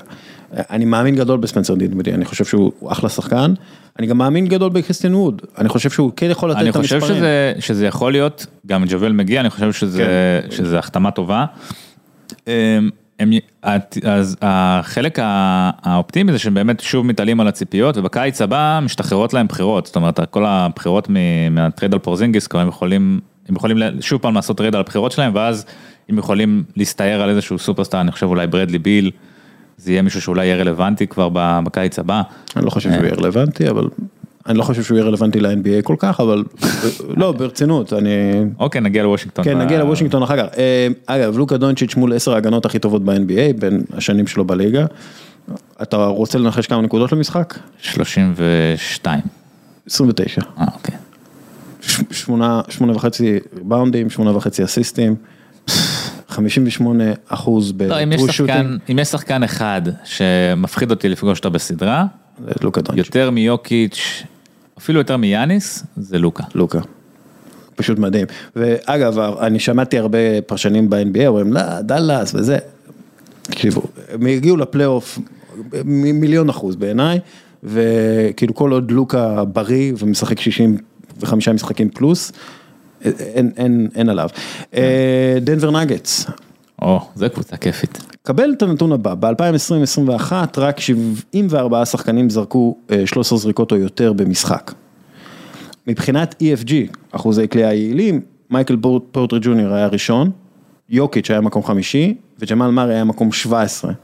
מבחינת TS, אה, טרו שוטינג, מייקל פורטר, פורטר ג'וניור היה מקום שני, יוקיץ' חמישי וג'מאל 24. כלומר, אז אופטימי, דנבר היא התקפה הכי טובה בליגה, הכי יעילה בליגה, שכבר שנה שעברה דרך אגב הם היו ראשונים באפקט, בלי פורטר כן, ג'וניור ובלי כן. מרי הם היו ראשונים באפקטיב. וההגנה תהיה סבירה פלוס, אתה יודע, ואז הם אולי מקום ראשון, הפיניקס של העונה שעברה, ופסימי, מארי ופורטר ג'וניור לא באמת חוזרים טוב מפציעה, אולי נפצעים שוב, אתה יודע, נפילות כאלה, וזה, ויוקיץ' פשוט לא יכול לסחוב אותם עוד כן, פעם. אני, אני גם כתבתי, העומס על יוקיץ' בשלוש שנים האחרונות מתחיל אה, להראות את אותותיו, והשאלה היא באמת הגנתית. אה, בעונה הרגילה אני לא דואג להם, אני חושב שהם יהיו קבוצה מעולה בעונה הרגילה, 50 ניצחונות ומעלה, אה, כי יוקיץ' הוא פשוט עד כדי כך טוב, והוא, והוא פשוט יודע לפתור בעיה. כל- הוא, כל- הוא עלה לפלייאוף כן, עם, כאילו עם, דיברתי עם מו ב- ושמו, כאילו. בסדרה מול גולדן סטייט גם כן שהם הפסידו אבל אתה פשוט אומר הוא פשוט לא טועה. הוא פשוט כל position מקבל את ההחלטה הכי נכונה שאפשר לקבל. ולפעמים אתה יודע זיק נאג'י מחטיא שלשה כי כי הוא fucking זיק נאג'י כן. אבל. עכשיו תשימו לו את פורטר ג'וניור ואת אה, ג'מאל מרי אולי זה זה יהיה יותר. ובונז היילנד מאוד יכול להיות שהוא יהפוך ל point וברוס guard. בראון זה ברוס הברקה בראון, בעיניי. הברקה גם כן. אה, הם הם התקרה שלהם זה הגעה ל finals בעיניי אני חושב שהם אני אה, חושב. הם- הם עד כדי כך טובים. אני חושב שהם טובים מספיק כדי לזכות באליפות. אני חושב, אני חושב שההגנה, אם יסתדר להם. כן, אני חושב. שהגנתית עם, עם יוקיץ' זה, זה אתגר, זאת אומרת, אה, ראינו את זה עם, גול- עם גולדן סטייט, כאילו הם, הם פרפרו אותו שם ב pick and roll ים, הוציאו אותו, החזירו אותו. אז זה עניין של matchup, אז זה כן. עניין של matchup, כאילו כן. אם הם לא פוגשים, אם הם לא פוגשים את גולדן סטייט, אז יכול להיות, לא, אני אני באמת חושב ככה, כן. כי- כי יוקיץ' לא כזה שומר גרוע. כלומר, הוא לא שומר גרוע בכלל, הוא אה, שומר אפילו יותר טוב ממה ש, מה, מה שנותנים לו קרדיט, אבל עדיין בכדורסל של היום אתה צריך, הוא, הוא, הוא לא רק יכול להיות בצבע ו, ולהשתמש בגוף שלו בצורה שהוא משתמש בה, הוא צריך גם להיות מחוץ, לצ- מחוץ לצבע, כן. מחוץ לקשת לפעמים. כן. וזה כבר בעיה, הופך להיות יותר בעייתי. דטרויט פיסטונס, קייד קנינגהם התחזק, הוא גדל, אני לא יודע אם ראית תמונות שלו, הוא נראה סוג של bodybuilder. אוקיי. הוא חיה, אה, והוא point guard מצוין, אה, ג'יידן אייבי יכול להיות shooting guard, אפרופו shooting guard מצוין, ג'יילן דורן הוא אה, סנטר קפיצי כזה ש- שיכול להיות אחלה, שיהיה, שיהיה אחלה כיף, סנט- הם קבוצה שיהיה כיף לראות אותה מפסידה. כן, הם- אה, כאילו הכל בעתיד, כאילו מרווין בגלי לא שחקן גמור, הוא יכול להיות מצוין בעתיד. אה, אה, איזיה סטיוארט יכול להיות אחלה סנטר גבוה בעתיד. פיסטונס קבוצת עתיד לא רעה בכלל, אז האופטימי הם יהיו מספיק טובים למקום עשירי, פסימי לא יהיו מספיק טובים למקום עשירי. כן, אני חושב שהם הם קבוצה שיש לה את הבסיס להיות קבוצה טובה כמו שאמרת עוד שנתיים שלוש. הם two years from being two years away, אתה כן. מכיר את המשפט הזה? כן. ויש להם עוד כמה דברים שהם צריכים לפתור, יש להם כאילו את קיליאן הייז, שהם בחרו לפני שנתיים בדראפט ועדיין לא, לא פרץ, צריכים להבין מה הם עושים איתו. אה, אבל קייד קנינגהם זה, זה איזשהו blue chip ש, שאפשר לבנות סביבו, ואני לא יודע אבל אם זה מספיק, כאילו אם, אם זה הבסיס ועכשיו אתה יודע אתה מוסיף עוד בש- בשוליים, אני לא יודע אם זה מספיק בשביל באמת להיות קבוצה מאיימת ולא סתם להיות אה, שרלוט 2.0, קבוצה שאתה יודע פעם מגיעה לפלייאוף, פעם לא מגיעה לפלייאוף, כאילו כזה. זה פשוט, זה העתיד. כן. אה, אבל העונה הם, הם קבוצה, שראיתי אותם שנה שעברה כמה משחקים, ו... הם כנראה גם לא הם יעשו קבוצה- טנקים. הם קבוצה שכיף לראות. כן, הם גם לא כאילו- יעשו כנראה tanking. כן. אבל דוויין קייסי כן, אתה יודע, הוא מאמן כן של ניצחונות, של נכון. לנסות להשיג... טוב, פורטלנד, אפרופו tanking, אופטימי, התקפה טובה, הגנה גרועה, פסימי, התקפה בסדר, הגנה גרועה. כלומר, זה- הם... אני לא, אני לא רואה איך עם דמיאן לילארד בריא יחסית, הם יכולים להיות קבוצה נוראית. אני חושב שזאת עונה ממש חשובה לדמיאן לילארד, למורשת שלו, כאילו. דמיאן לילארד נבחר ל- לרשימה של ה-75 השחקנים הגדולים של הליגה, כן. שזאת בעיניי הבחירה הכי לא ראויה, מתוך כל, אני אוהב את דמיאן לילארד, הוא, הוא, אני בחרתי בו כרוקי העונה כשהתחלתי לכתוב את הבלוג לפני עשר שנים, ו, אבל ה- המקום שלו ב-75 השחקנים הוא מאוד רעוע. כן. זאת אומרת, אה, אין אין לו אף שחקן יש, ש... יש טובים היסטורית ממנו. יש טובים היסטוריים, יש טובים גם, אתה יודע, אני יכול להגיד, יוקיץ' כבר עכשיו יותר ראוי ממנו להיות אה, כן. ברשימה הזאת. אה, אז העונה הזאת היא עונה מאוד חשובה בשבילו, בשביל לקבע את ה... את ה... מה- את זה שהוא טוב. לאיזה קריירה, איזה סוג קריירה אנחנו, אנחנו הולכים לקבל ממך. אה, כאילו, יש את ה... ברור שהוא כבר עשה דברים מאוד מאוד גדולים בפורטלנד וניצח שתי סדרות פלייאוף, זה ב buzzer beater שזה יפה. אה, אבל אם הוא לא חוזר להיות מה שהוא היה לפני שנתיים, ומוכיח שהוא שווה 60 מיליון דולר בעונה, שזה הערכת חוזה שהוא קיבל. עד ל-2052 בערך. כן, אז כאילו, בסוף זה הכל בנוי עליו, זאת אומרת, אנפוני סיימונס וג'רמי גרנט ונסיר ליטל וג'סטיס ווינסלו, זאת אומרת, זו קבוצת lottery בוודאות, אם דמיאן לילארד הוא לא דמיאן לילארד של 2020. כן. גולדן סטייט, מכיר אותם? אה, ג'ו לייקוב, שמעתי עליהם. הבעלים של ווריורס, אמר משהו שבעיניי מאוד מובן לי. הוא אומר, אכפת לי רק מדבר אחד, לנצח ולזכות באליפות. ג'רי באס, הוא אומר, ג'רי באס, תראו אותו, 33 שנות בעלות, 16 סדרות גמר. כלומר, 50% מהעונות הוא בגמר, זה מה שאני רוצה. אני לא יודע אם אנחנו יכולים להמשיך ככה, אבל אנחנו בהחלט ננסה, זו המטרה, זה מה שהוא אומר. עכשיו, אופטימי, אליפות. כלומר, אין, אין פה, אתה יודע, זה היה זה. פסימי, פתאום סטף קרי מתחיל להתנהל כמו גארד בן 34. אה, אני בספק שזה יקרה, כן. אבל אתה יודע, פסימי זה כאילו העונה קצת מקרטעת ודרמון גרין אה, מושעה בגלל שהוא הולך מכות עם אה, שחקנים והכל שם מתפורר כזה קצת כמו גולדן סטייט בשנה האחרונה של קווין דורנט, מבחינה, אבל שוב, אני לא רואה איך זה מידרדר ככה. אני, אני חושב שכאילו התסריט האופטימי פה יותר, יותר סביר. כאילו זה אמנם לא סיכוי גבוה לאף קבוצה לקחת אליפות. כאילו בסוף אה, אה, הסתכלתי, קראתי באתלטיק איזה שהוא משהו על זה שכאילו הסיכוי של קבוצה לעשות repeat הוא בערך 33 אחוז, אם אתה מסתכל על ה-20 שנה האחרונות. אה, זאת אומרת, יש יותר סיכוי שהם לא ייקחו אליפות מאשר שהם ייקחו אליפות. אבל גולדנסטייט העונה הם יותר טובים מהעונה שעברה, ואני חושב שהיתרון המנטלי שיש להם על פני כל שאר הליגה הוא מטורף. כן. זאת אומרת, אתה שם אותם, אנחנו fucking גולדן כן, סטייט. כאילו, אמנם מבחינת כישרון אתה יכול להגיד אוקיי דנבר או קליפרס יש להם אותו אותו level של כישרון נגיד כמו גולדן סטייט, אבל לגולדן סטייט יש יתרון מנטלי כל כך הרבה יותר גדול מ... מ- גם, גם שיטה. שעובדת, גם כן. הכל עובד שם, הכל זורם, כלומר הכל יחסית אה, אה, חלק. אה, דרך אגב, בין 1980 ל-1991, ב-11 מ-12 סדרות הגמר הופיעו לארי ברד או מג'יק ג'ונסון, ששניהם זכו בשמונה טבעות באותה תקופה. כן. בין 2011 ל-2012, 2022, ב-11 ל-12 סדרות הגמר הופיעו סטף קרי או לברון ג'יימס, שניהם זכו בשמונה טבעות, אפרופו כאילו המקום ההיסטורי כן. של סטף קרי ודמיין ללארד וכל האלה, זה מקום היסטורי. אה, וקליי תומפסון, אתה יודע, לפי דעתי הוא, ה... הוא הנושא פה.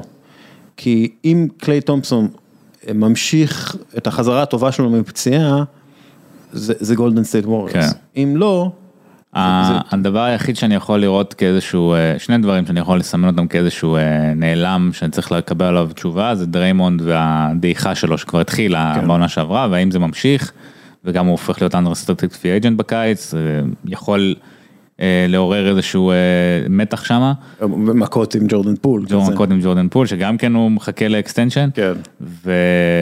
ויש לך גם את הצעירים, את וייזמן וקמינגה ומודי, שאמורים לקבל תפקיד יותר משמעותי העונה, כי אוטו פורטר ג'וניור הלך וגרי פייטון ג'וניור הלך, והאם הם, האם הם up to the task והם מצליחים לעשות את זה, ובסופו של דבר, אם אתה מסתכל על קבוצות שלקחו אליפות בליגה, 99% מהן היו top 3 ב conference שלהם.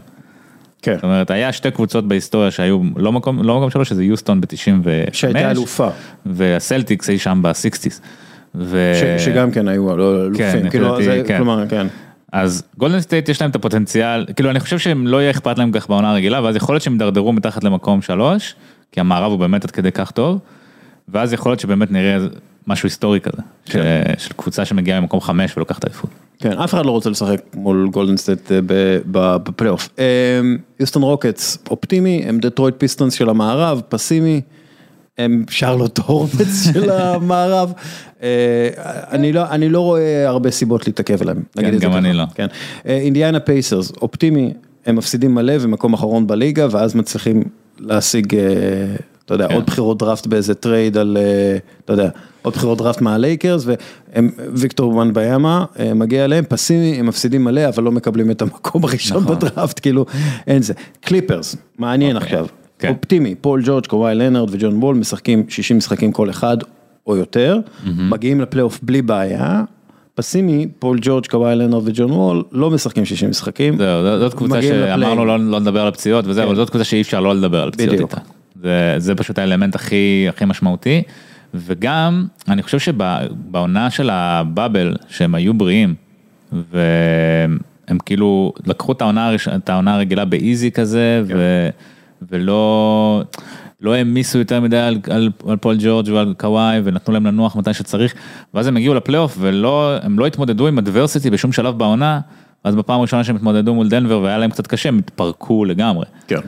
אמ, אז אני חושב שהם יצטרכו העונה אמנם הם תמיד מנהלים בצמר גפן את אה, קוואי שאגב, ככה צריך להתנהל איתו, כי, ככה הוא דורש כן. כאילו זה זה לא שאתה יש לך בחירה פה כן. אבל הם יצטרכו אני חושב לתת להם קצת יותר אה, להתמודד עם, ה, עם הקשיים שמגיעים עם העונה הרגילה. קצת כמו כדי שבא- בוסטון בשנה כן. שעברה. כלומר, פול through, כן. ו- ותשחק ותתקשה ותתחבר.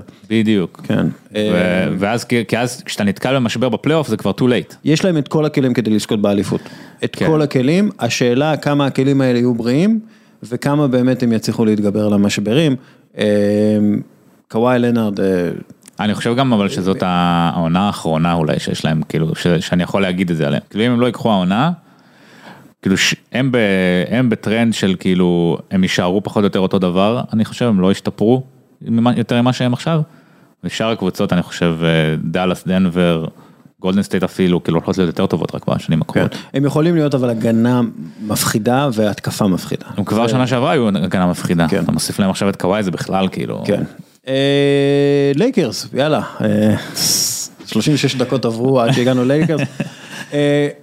כולם, אתה יודע, ב media day, כולם דיברו יפה, וראסל ווסטברוק מדבר עם אה, פט בב, היה אי פעם כאילו איזשהו media day פיאסקו, אבל- אבל כאילו תמיד ב media day כולם. אני, אה, אני, אני משווה אותם לתחנת אה, כוח אה, גרעינית בברית המועצות. הכל יכול להתפרק שם, וזה ברמה של אסון. כאילו, זה ברמה של אסון. אה, באמת, אתה יודע, הם כל כך... עם פוטנציאל להיות הקבוצה הכי toxic בהיסטוריה. עכשיו אני מסתכל, קודם כל העניין הזה של אה, לקוחות קלאץ' שיש שם, וזה בדרך כלל שיש לך סוכנות מאוד, אה, גם רואים את זה בכדורגל, סוכנות מאוד דומיננטית בחדר הלבשה, בדרך כלל זה יוצר בעיות. אה, יוצר בעיות גם כן שה general manager הוא הכוכב של הקבוצה, אבל זה, בואו לא נדבר על זה, והסוכן של השחקנים, אבל לא, לא מדברים על זה, כי לברון ג'יימס הוא לא הסוכן, זה ריץ' פול. אה, אבל אני מסתכל על איך שבנו את הקבוצה הזאת. אוקיי, פטריק בברלי וראסל ווסטברוק באותו קבוצה, כאמור, הם האויבים הכי גדולים בליגה בערך. זה יכול להתפוצץ באלף דרכים שונות, כן. סטייל צ'רנוביל. זה משהו שרץ כבר כאילו עשר שנים אני חושב היריבות הזאת, מאז שפטריק בברלי הוא שבר לו את הרגל, ב- ההוא זה, ההוא כן, זה- עזוב, זה... קנדריק נאן, לא שיחק עונה שלמה, ובעצם חוץ מכמה רגעים טובים של, אתה יודע, שבהם הוא נראה כמו ג'רמי לין, אף פעם לא הוכיח ב- את עצמו כ- כשחקן NBA, כן, הוא היה אני חושב ה runner up ל rookie העונה, נכון? כן, ב-2020. אז הוא היה סבבה כזה, אתה יודע, אבל...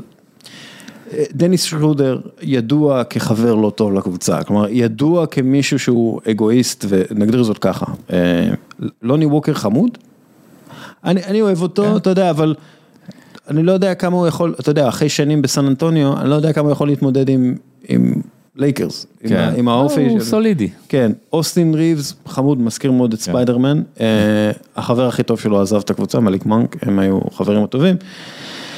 אה, אוקיי, יש להם שני wings, לברון ג'יימס, שלא עושה הגנה, וחואן אה, טוסקנו אנדרסון, שהוא... שהוא לא עושה התקפה. שהוא לא עושה...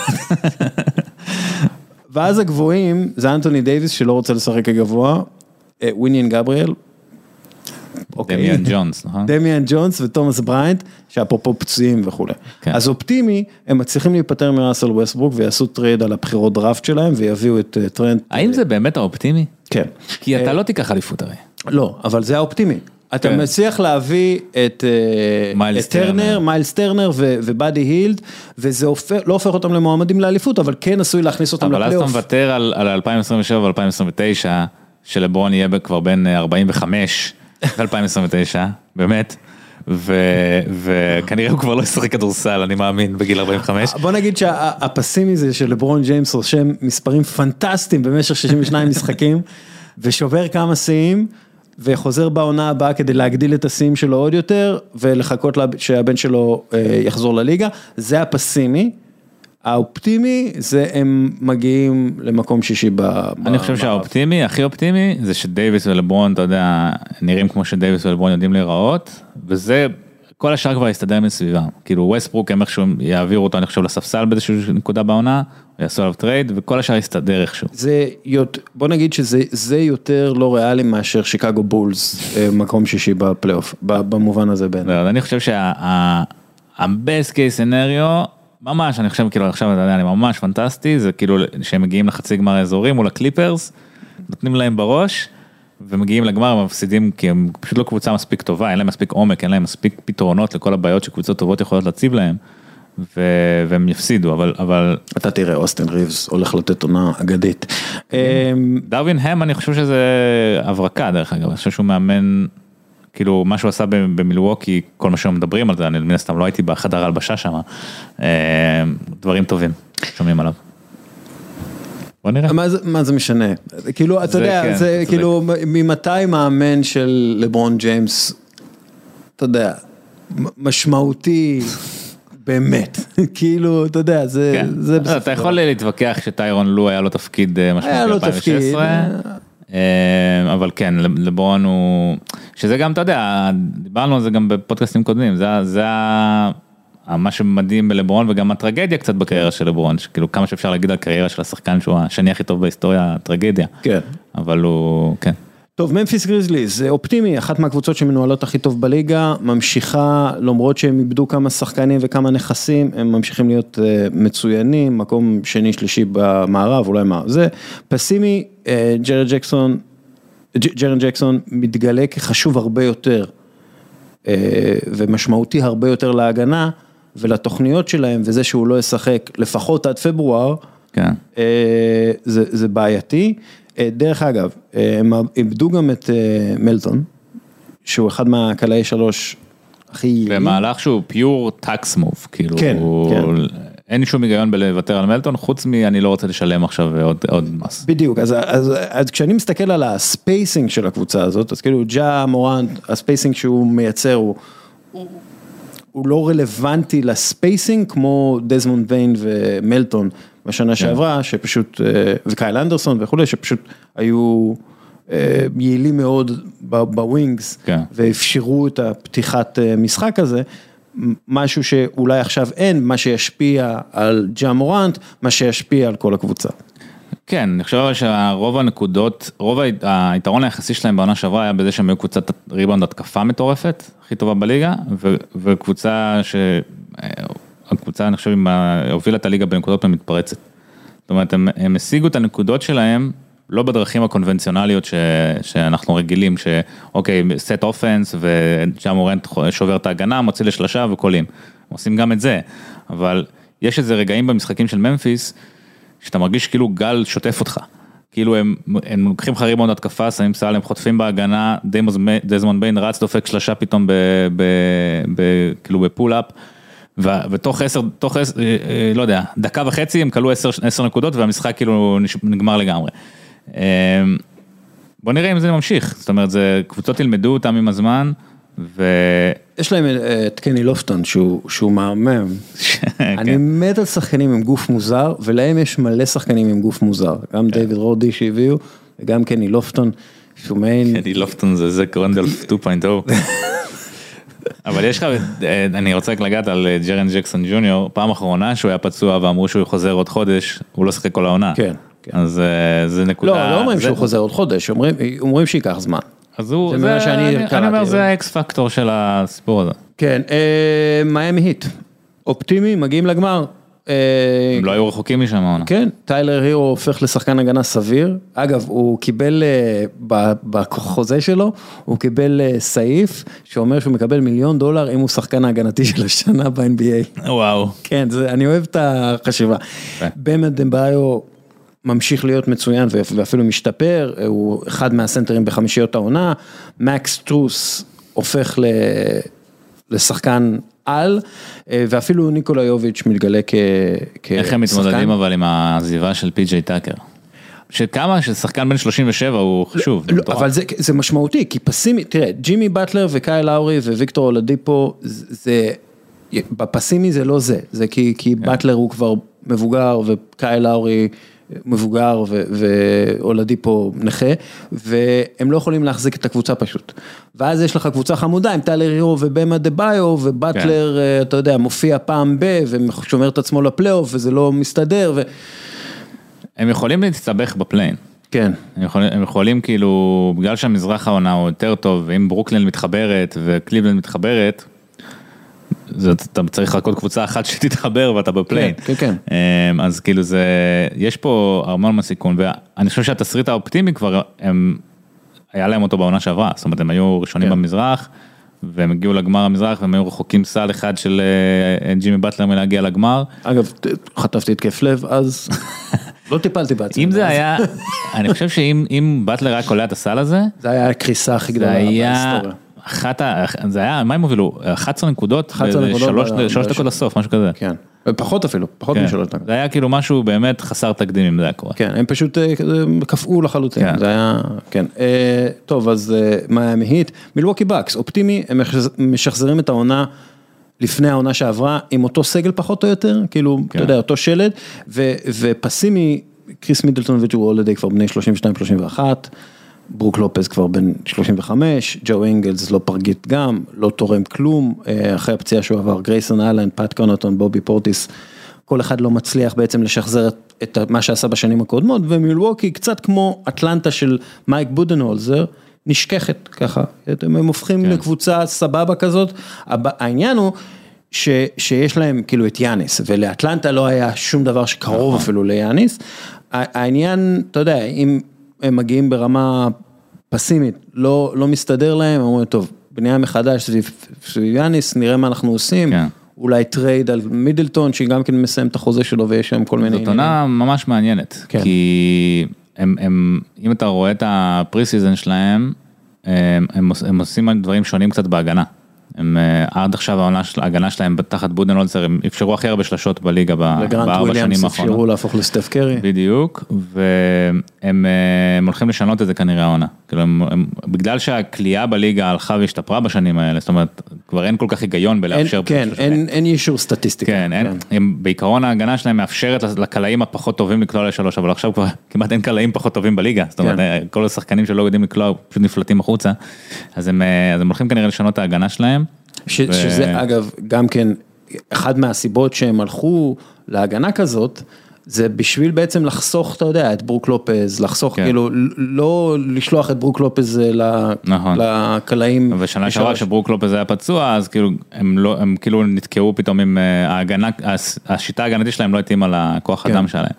אה, אז זה, זה אני חושב יהיה סימן שאלה הגדול סביב מילווקי העונה, ומתי ג'ו אינגלס חוזר, זה גם כן, אתה יודע. ואיך הוא יחזור, הוא גם כן, כן, שוב, בן הוא- 34 בדיוק. ו- וחוזר אחרי ACL, אני לא יודע איך הוא, איך הוא יהיה. בסוף, זה, אני כאילו בחרתי במילווקי כקבוצה הכי טובה במזרח, נטו כי יאניס. כי, כי כן. אני פשוט מאמין ביאניס, וזה איזשהו vote of confidence ביאניס. אמ, ו... אבל מספיק שיאניס נפצע ל-30 משחקים. חלילה, טפו טפו טפו. כן, והם בפליין. אגב- כי אין להם שום עומק. כן, כן. אתה יודע, זה מאוד מהר מגיע לווס מתיוס, וראינו את זה גם בפלייאוף, ג'ורג' היל משחק דקות משמעותיות, כן. וג'בון קרטר, זה, זה, זה לא שחקנים שאני יכול לסמוך עליהם, ש... זה לא העומק של בוסטון, בוא נגיד את זה ככה. כן. מינסוטה, אה, אופטימי, אה, קרל אנטוני טאונס, הסנטר ההתקפי הכי טוב, רודי גובר הוא הסנטר ההגנתי הכי טוב, אה, אנטוני אדוארדס הוא השחקן המשתפר של העונה, אה, דיאנג'לו ראסל הופך לרכז אמיתי, כמו אה, שפינוקיו הפך לילד אמיתי, ככה. דיאנג'לו ראסל, מספיק אמונה, קייל אנדרסון מתגלה כ wing מצוין, כי הוא wing מצוין, הוא שחקן מצוין. פסימי, הם מגלים שלשחק עם שני סנטרים זה משהו מ-1988, וזה בלתי אפשרי, ולא עובד שם כלום, לחצים, רודי גובר, דרטד טו קרל אנטוני טאונס, והכל שם, אתה יודע, הם עושים מינסוטה. יש כאילו. פה משהו גם, במגל שהמערב כל כך חזק, שיכול להיות התסריט האופטימי, והם עדיין יסיימו במקום שביעי. זה נכון, זה כאילו- נכון, כן. זה כאילו אנחנו אומרים, התסריט האופטימי, הם יכולים להגיע, זה כאילו, המערב כל כך טוב, שמספיק שעוד שלוש קבוצות נופלו להם התסריט גם האופטימי, המזרח וזהו. ממש טוב, אתה קולט שם, כן. העונה, יש הרבה קבוצות אני. כשעשיתי את ה... עשיתי מין אה, כזה דירוג כזה בטוויטר של הקבוצות ובערך מקום 11 אני חושב זה, זה מיאמי. כאילו, מדהים, מדהים. שזה, אתה אומר בואנה קבוצה כמו מיאמי מקום 11 כאילו בדירוג הווירטואלי הזה שעשיתי זה, זה פסיכי. אז זה יהיה מעניין גם כן במינסוטה, קיץ חם במינסוטה. דרך אגב, אני קצת חושד שיש משהו לקרל אנטוני טאונס. כאילו מדברים על דלקת בגרון, אבל הוא עצמו דיבר על איזה מחלה. אני לא יודע אם זה לונג קוביד, אני לא יודע, יש שם איזה משהו. מעניין. יהיה גם מעניין לראות מה הם יעשו עם דיאנג'לו ראסל כי הוא free agent בקיץ ואני חושב שהוא לא מתאים ל... מדברים על זה שהוא ורודי גובר יעשו הרבה pick and roll, כי קרל אנטוני טאונס באופן די, די מוכר, לא, לא כל כך בקטע של pick and roll ים, ו, ורודי גובר כן, אז כאילו זה יהיה כאילו move התקפי שיוציא את המיטב. יש שם הרבה שאלות כן, כן. אה, טקטיות מעניינות. כאילו. אנטוני אדוארדס אה, בעיניי השחקן הכי טוב שם, אה, ויהיה מעניין לראות מה קורה. לא שחקן אקטר, כי הוא היה כן. מצוין ב Hustle, שחקן. זה גם עניין שיכול להיות שיהיה שם קרבות אגו בינו לבין טאונס ואתה יכול להגיע פתאום לתסריט פסימי מכיוון אחר. כן. ניו אורלינס פליקאנס, רוצה לשמוע hot take? נו קדימה. הפליקאנס יכולים להיות הקבוצה הכי טובה במערב. מה אתה אומר על זה? זה hot take, זה, זה כמה, ב, ב, כמה אה, אה, אייקונים של chili pepper שמת ב hot take הזה, ברמה, תראה, במראה, הם יכולים להיות אחד מהטובים ברמת מקום פלייאוף עם יתרון ביתיות בסיבוב הראשון. אה, אני מסתכל, סי.ג'י מקולום, ברנדון אינגרם, זיין וויליאמסון, הרב- הרב ג'ונס, יונאס ולנצ'ונאס, זה חמישייה שכל השחקנים עם כישורים שמותאמים זה לזה. יש להם עומק, לארי נאנס, אה, אלוורדו, ג'קסון הייז, דבונטה גרם, זה, כאילו זה סגל טוב, ויש להם מאמן מצוין, ווילי גרין. אה, פסימי זה פשוט זה לא זה, אתה יודע, זה כן. זיין וויליאמסון, שוב אנחנו מדברים על הפציעות, זיין וויליאמסון לא בריא, כמו שהוא לא היה בריא רוב הקריירה שלו, אינגרם לא בריא, שגם זה בעיה אצלו, מקולום, אתה יודע, הוא, הוא בסדר, כן, אבל לא... זה- מקולום עכשיו, אם הוא אם הוא כאילו השחקן השלישי הכי טוב שלך בקבוצה, אז אתה במקום מעולה. כן. אבל- אם אם הוא שני כבר זה כן, בעיה. אתה אתה אה, בבעיה.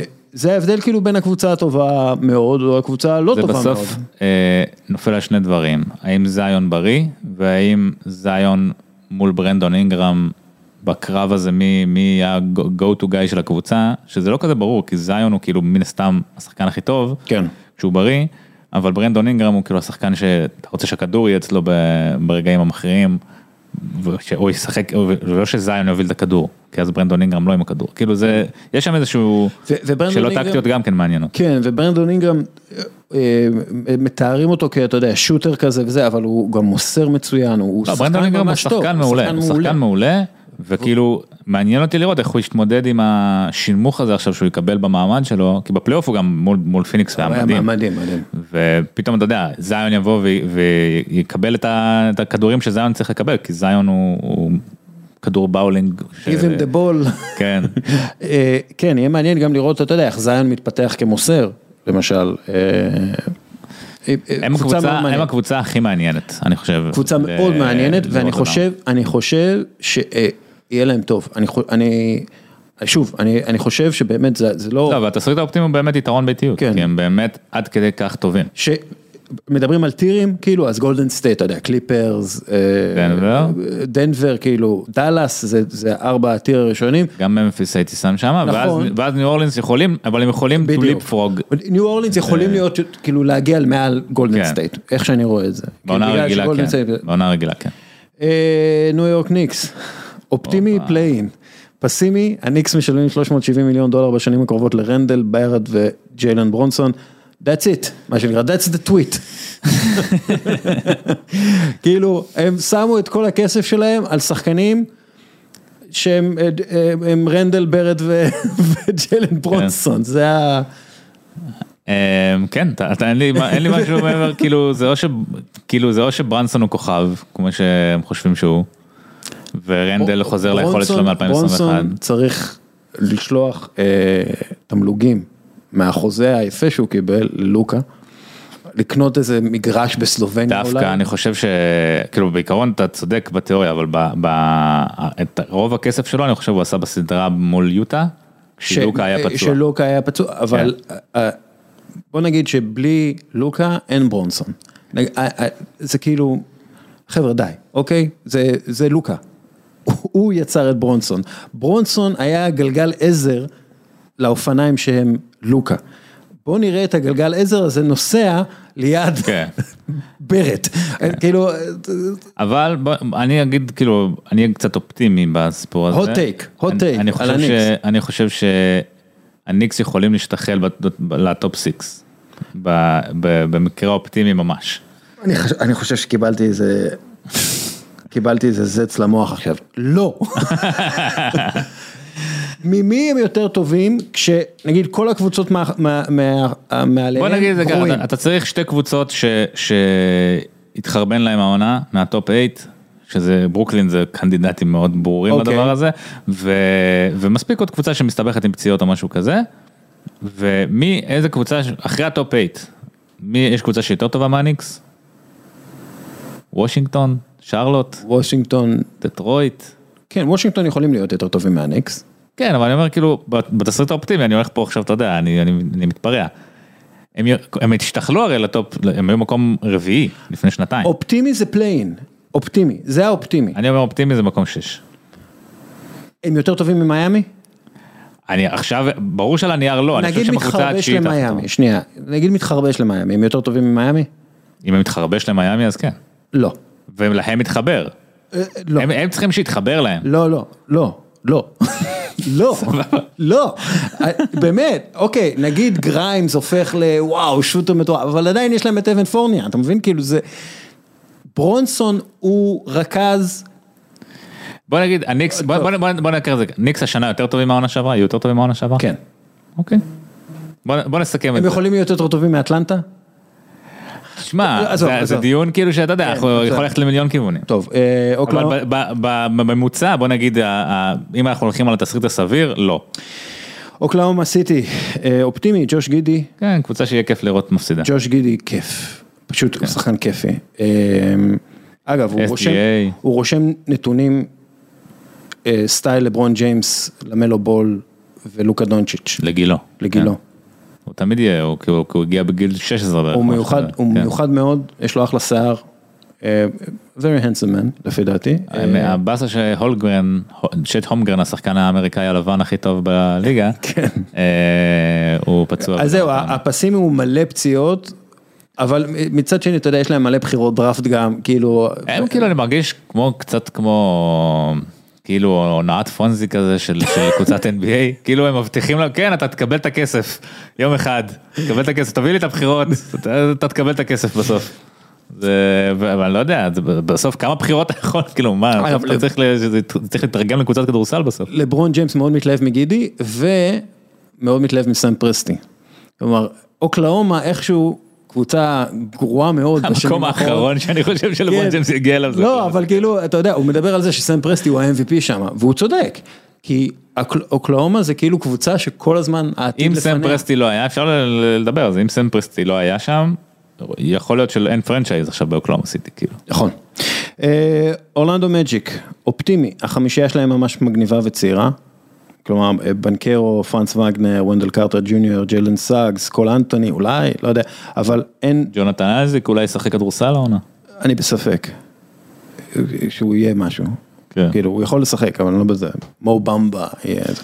אבל אין בקבוצה לדעתי איזשהו centerpiece, אתה יודע, שיכול להיות, לא center, center כן. piece, אה, שיכול להיות סופרסטאר בליגה, בדומה למה שהיה במילווקי עם יאניס, שהם ככה התחילו לבנות סביב יאניס. אבל תחשוב שיאניס התגלה כ centerpiece רק בעונה השלישית רביעית כן, שלו. אבל ב- ב- במילווקי, בהיררכיה של מילווקי, שדרך אגב זה עכשיו ההיררכיה של אורלנדו, אה, ידעו שיאניס הולך להיות משהו, כלומר בנו את זה שהוא יהיה משהו. כן. אין את זה שם, אולי בנקרו, אני לא יודע, אני בספק, אולי פרנץ וגנר. השאיפה היא שבנקרו יהיה כזה. כן, אני, אני פשוט לא רואה איך בנקרו הוא, הוא יאניס, או משהו שקרוב אפילו, אבל שוב, ואתה יודע, פסימי זה באמת, אתה יודע, הכל סתם, אפילו מקום, אה, אפילו מקום בדראפט הם אה, לא, לא יקבלו. אני מסכים. הם קבוצה שגם כן יהיה כיף לראות מפסידה. טוב, אה, פילדלפיה, אופטימי, אליפה. זה- זה זה אופטימי מעניין. כן, בעיניי הם פייבוריטים לסיים מקום ראשון במזרח. לא יודע אם אה, כי- פייבוריטים אבל האופטימי שלהם לא, הוא כי לגמרי. יש להם שחקני עונה סדירה מעולים, אם זה ג'ואל אמביד, ג'יימס הם הלכו הרדן. all in על העונה הזאת. כן. ואני חושב שאם זה דוק ריברס זה- העונה, כאילו הקרדיט שהוא שהוא מקבל נגמר. כן, כאילו זהו. זה, זה, זה העונה שדי, אם אתה, לא, אם אתה לא מביא את הקבוצה הזאת לגמר אזורי העונה, תראה, פסימי זה. הרדן מבין שהוא הוא לא השחקן שהיה פעם, והוא אומר, טוב, אה, מה הסיכוי שבמשחק פלייאוף חשוב הם שמים את הרדן על הספסל? ומשחקים רק. עם מקסי. אין סיכוי, כי אתה משחק עם מקסי והרדן זה... אין סיכוי. אין, אין, אין להם גם הגנה לפלייאוף עם מקסי והרדן. אבל בעונה הרגילה אתה יכול להסתכל. בעונה הרגילה הם יכולים לרוץ. כן. בעונה הרגילה ג'יימס הרדן ו- וג'ואל אמביד עושים ארבעה אה, כן. pick and roll ים בדקה ו- ומשיגים, אתה יודע, 17 נקודות. זה יהיה עונה סופר מעניינת ל legacy של ג'יימס הרדן, כאילו שאתה יודע שכבר, אנחנו אומרים את זה כל עונה, וכל עונה אנחנו מקבלים תשובה שלילית על הדבר הזה, אבל העונה כאילו יש לו סיכוי להפוך, כאילו, הוא כבר לא יהיה MVP של ה finals או משהו כזה, או, או ג'יימס הרדן של יוסטון, אתה יודע, עם הדריבל כן. דריבל דריבל, אבל הוא יכול להיות השחקן השני הכי טוב בקונטנדרית. כן. ושנה שעברה הוא לא הראה את זה, כאילו זה, זה היה נראה בסדרה מול מיאמי שהוא פשוט לא רוצה. כן. טוב, פיניקס סאנס, אה, אופטימי, שוב הקבוצה הכי טובה בליגה הסדירה. אז אה, אם נראה לי זה כל מה שקורה עכשיו. בדיוק, ואז כאילו, אתה יודע, דיאנדרה אייטון סבבה, אה, קריס פול ימשיך לשחק ברמה גבוהה, בוקר ייתן עוד איזה קפיצה, מי- מיקל ברידג'ס. קמרון ג'ונסון אולי. קמרון ג'ונסון ייתן עוד פציעה, אה, קפיצה, אה, דריו סאריץ' יככב, יחזור, יככב, יהיה סבבה, הקבוצה תירכש על ידי מישהו ממש עשיר. אה, זה האופטימי. פסימי, אה, רוחו של לוקה דונצ'יץ' חיסלה את העתיד של הקבוצה הזו לנצח, ויצטרכו לפרק את החבילה ולבנות משהו מחדש. מה הסיכוי שהם עושים טרייד על דורנט בינואר? זה אופטימי מאוד. זה כאילו אני חושב, ה- מי הם יפי- מי הם יביאו ל... כאילו אייטון יהיה כבר eligible לעשות כן. טרייד ב- בינואר. והם, אה, כאילו אני חושב שזה ה- זה כאילו המוב ב- ה... בעיניי הם יצטרכו לוותר על משהו מאוד גדול יחד עם אייטון בשביל דורנט, ואני לא רואה את זה טוב לקבוצה. כן, זה יהיה אייטון וברידג'ס כנראה. כן. ואז זה פשוט לא יהיה טוב לקבוצה, זה יהיה, כן. זה יהיה רע לקבוצה. נכון. אבל זה אני חושב ה... אז זה כאילו אופטימי, אבל זה כי אני חושב, דיברנו על זה גם. דיברנו על זה בפלייאוף שעבר, אמרנו זה ההזדמנות שלהם, כאילו אם לא מנצלים את ההזדמנות עכשיו הם לא ייקחו אליפות, והם לא ינצלו את ההזדמנות, הם הפסידו בצורה די משפילה, ל... מה זה די? משפילה מאוד ל- ללוקה ולדאלאס, ו... והם יצטרכו לעשות משהו אחרת כן. עם הסגל שלהם כדי ללכת עד הסוף. טוב, סקרמנטו קינגס, עוד מעט אנחנו מסיימים, סקרמנטו קינגס, פלייאוף האחרון ב-2006, הקבוצה אה, עם הכי, אה, הקבוצה היחידה בספורט האמריקאי שלא הגיעה לפלייאוף, מאז בתקופת זמן 2006. הזאת, כן. אה, מטורף. אתה יודע כמה חנויות בלוקבאסטר היו ב-2006? אני פשוט עשיתי איזושהי כתבה על בלוקבאסטר. אתה יודע כמה? 5,000. בארצות הברית בלבד. 5,000. זה יחידת, אגב, זה יחידת זמן מצוינת, עדיין, חדשה. יש עדיין חנויות בלוקבאסטר? לא, לא, יש? אחת, יש אחת, יש לה כאילו חשבון מוזיאון טוויטר, כזה. ב- לא, ב- באלסקה או משהו, באמת, כאילו, אוקיי. אבל אה, אגב, כמה חנויות בלוקבאסטר זה אחלה יחידת זמן, הרבה יותר טוב משנים. אנחנו יכולים, אנחנו יכולים להבין כמה התקדמנו כבני אנוש, או וואי, אתה זוכר שהיה אז ראיתי, 9,000 אה, חנויות אה, ניצלתי את? הקיץ בשביל לראות אה, סמוך על סול, ויש שם איזה סצנה שהיא, שהיא הולכת ו, ו, ולוקחת סרטים בבלוקבאסטר, ואמרתי, "וואי, באיזה שנה הסדרה הזאת קורית, כאילו, מה קורה פה? אה, אז אופטימי, האופטימי זה פלייאוף, זה לא יקרה, סקרמנטו? כן, play- play-in, play-in. ופסימי זה פשוט המשך המציאות כפי שהיא. אין, אין ספק שאין דבר יותר מדכא מלהיות אוהד סקרמנטו קינס ב-15 שנה האחרונות. זה אני חושב החוויה הכי לא כיפית שיש. ל- אני דרך אגב מאוד אופטימי בקשר לסבוניס, אני חושב שהוא ייתן עונה מיני יוקיץ', אה, שזה הרבה נקודות, הרבה ריבאונדים, הרבה אסיסטים, אני לא יודע כמה זה מסביב שם יכול... אבל זה. גם כן, זה כאילו, אם זה לא מסתחבר, וזה, אתה יודע, רוב הסיכויים שזה לא יתחבר. אז סבוניס מסיים חוזה עונה, לא בעונה הזאת, עונה אחרי, ואז אתה כבר מתחיל להיות בשאלות, אוקיי, אני עושה עליו טרייד, אני, אני מאריך לו, אני לא מאריך לו, כאילו, וויתרת על טייריס הליברטון בשבילו, כאילו, כל פעם שהם, הם, אתה מרגיש שאוקיי, הם, הם בחרו טוב בדראפט, הנה, יש להם משהו, הם באים ועושים משהו כזה, שתוך שנה עכשיו כנראה, עוד פעם הם התחילו את הכל מההתחלה. זה בסוף הכל ניהול. כן. בסוף מדהים כמה ניהול גרוע, ש- ש- מחלחל לא משנה מי ה general manager. אני עכשיו הולך. לעשות name drop מטורף, ריק וולטס, כן, שאלתי אותו מה הסוד של גולדן סטייט ווריורס, אז הוא אמר יש שלושה דברים, בעלות, בעלות ובעלות. זה זה, זה זה, והבעלים שם הוא, זהו, זה זה העניין. טוב, סן אנטוניו ספיירס, אופטימי, מקום ראשון בדראפט ויקבלו את ויקטור וומבניאמה. אני חושב שזה- מקום שלישי בדראפט ולא יקבלו את ויקטור וומבניאמה. אני חושב שזה גם האופטימי לוויקטור וומבניאמה, כן, שהגיע ל- כן, לסן אנטוניו. כן. כאילו, אם יש מועדון שיכול לקחת את הדבר המוזר הזה שנקרא ויקטור וומבניאמה, שבחיים לא ראיתי כזה דבר, אין דבר משחק על כדורסל, זה אשכרה unicorn. זה ההגדרה המילונית ל unicorn. הוא באוקספורד, ויקטור כן. וומבניאמה זה יש לו הווינינג. 8 feet wingspan, כאילו זה... מה זה הדבר הזה? אתה ראיתי את המשחק הזה נגד סקוט הנדרסון, שדבר ראשון כל הכבוד למי שארגן את המשחק הזה. מדהים. כאילו, איך, א' ב' באיך לייצר הייפ. כן. והוא דבר ראשון, הוא הוא קלע שם 37 נקודות עם 7 שלשות. כאילו, אתה אומר, what the fuck. ושבעה בלוקים, אני כאילו יש. כאילו אם אתה לוקח את הכישרון שלו ושם אותו על מישהו שהוא 6-7 זה עדיין שחקן שנבחר מאוד מאוד גבוה בדראפט, כן. אתה מבין? אבל הוא 7-4, מטורף. זה מטורף, זה, אז- זה, יהיה- זה יהיה מדהים לראות, ודרך אגב מדברים על race to the bottom, אני לא חושב שיש קבוצה יותר גרועה מסן אנטוניו. כן, סן אנטוניו כאילו ב prime position כן. לעשות יש את יוטה. ואינדיאנה שייתנו להם פייט, אבל יוטה ואינדיאנה יש להם שחקני כדורסל. בדיוק. יש להם את מיילס טרנר, באדי הילד, כן. הליברטון, ליוטה יש את אה, קלי אוליניק וקולין סקסטון. וג'ורדן קלרקסון, כאילו יש להם שחקנים. יש מצב שליוטה יש את הלבנים הכי טובים בליגה? חוץ מלוקה? אה, לא, סתם, לא משנה. אה, טורונטו, טורונטו רפטורס, יאללה אנחנו עוד מעט מסיימים, טורונטו רפטורס אופטימי, סקוטי בארנס עושה קפיצת מדרגה נוספת, וטורונטו ממשיכה לשחק כדורסל נטול הסנטרים שלהם המגניב הזה, והם מגניבים. אותו אוטו פורטר ג'וניור שהוא מתאים בדיוק כן. אה, והם מגניבים והם הרבה יותר טובים מניו יורק ניקס, אפרופו. לא, הם הם אבל ב top 8, כאילו, הם ברור שהם לא, אז הם האופטימיים, top 5, top, אולי, אתה יודע, top 6, כאילו נכנסים לפלייאוף. כן. אה, פסימי, אין שדרוג בעצם מבפנים, וה... אני כאילו, חושב שהם- פרשס אצ'ואה נשאר פרשס אצ'ואה, ואתה יודע, סקוטי בארנס הוא יש להם, הם באיזושהי סכנה, אתה זוכר את אטלנטה של אה, ג'ו ג'ונסון? כן, כן, הם האטלנטה. ש- בסכנה להיות קבוצה כזאת, שהם במשך שנים מגיעים לפלייאוף, אבל אף פעם לא עוברים את הסיבוב הראשון, או גג עוברים את הסיבוב הראשון ואפילו או בסיבוב השני. יש להם סכנה שהם יהיו טורונטו של אה, דמר דה רוזן וקייל לאורי. אבל טורונטו של דמר דה רוזן וקייל לאורי, היה להם, היה גם עונות שהיה להם ציפיות ממש, כאילו, ממש התאכזבת מהם. כן. כאילו, היה עונה שהם היו מקום 60 ניצחונות, מקום והם הגיעו מקום זה, כן. והם עפו בסוויפ או משהו כזה. ואתה אומר, לקבוצה הזאת, לא, לא, לא חושב שיהיה להם את הציפיות, אתה מבין? זה, אני כן. חושב, ה- הטרגדיה. טוב, וושינגטון. זהו, זה האחרון. אה, לא, יש גם את אופטימי. יוטה, לא? רצנו על יוטה? אה, נכון, יוטה, סליחה. יוטה- זה- כן, יש להם את הלבנים הכי מעניינים, סבבה. כן. דני אייג' מתגלה כ general manager. אגדי. אה, פסימי, דני אייג' מתגלה כמנג'ר אגדי. אה, אופטימי אה, בוושינגטון, מגיעים איכשהו לפליי אין.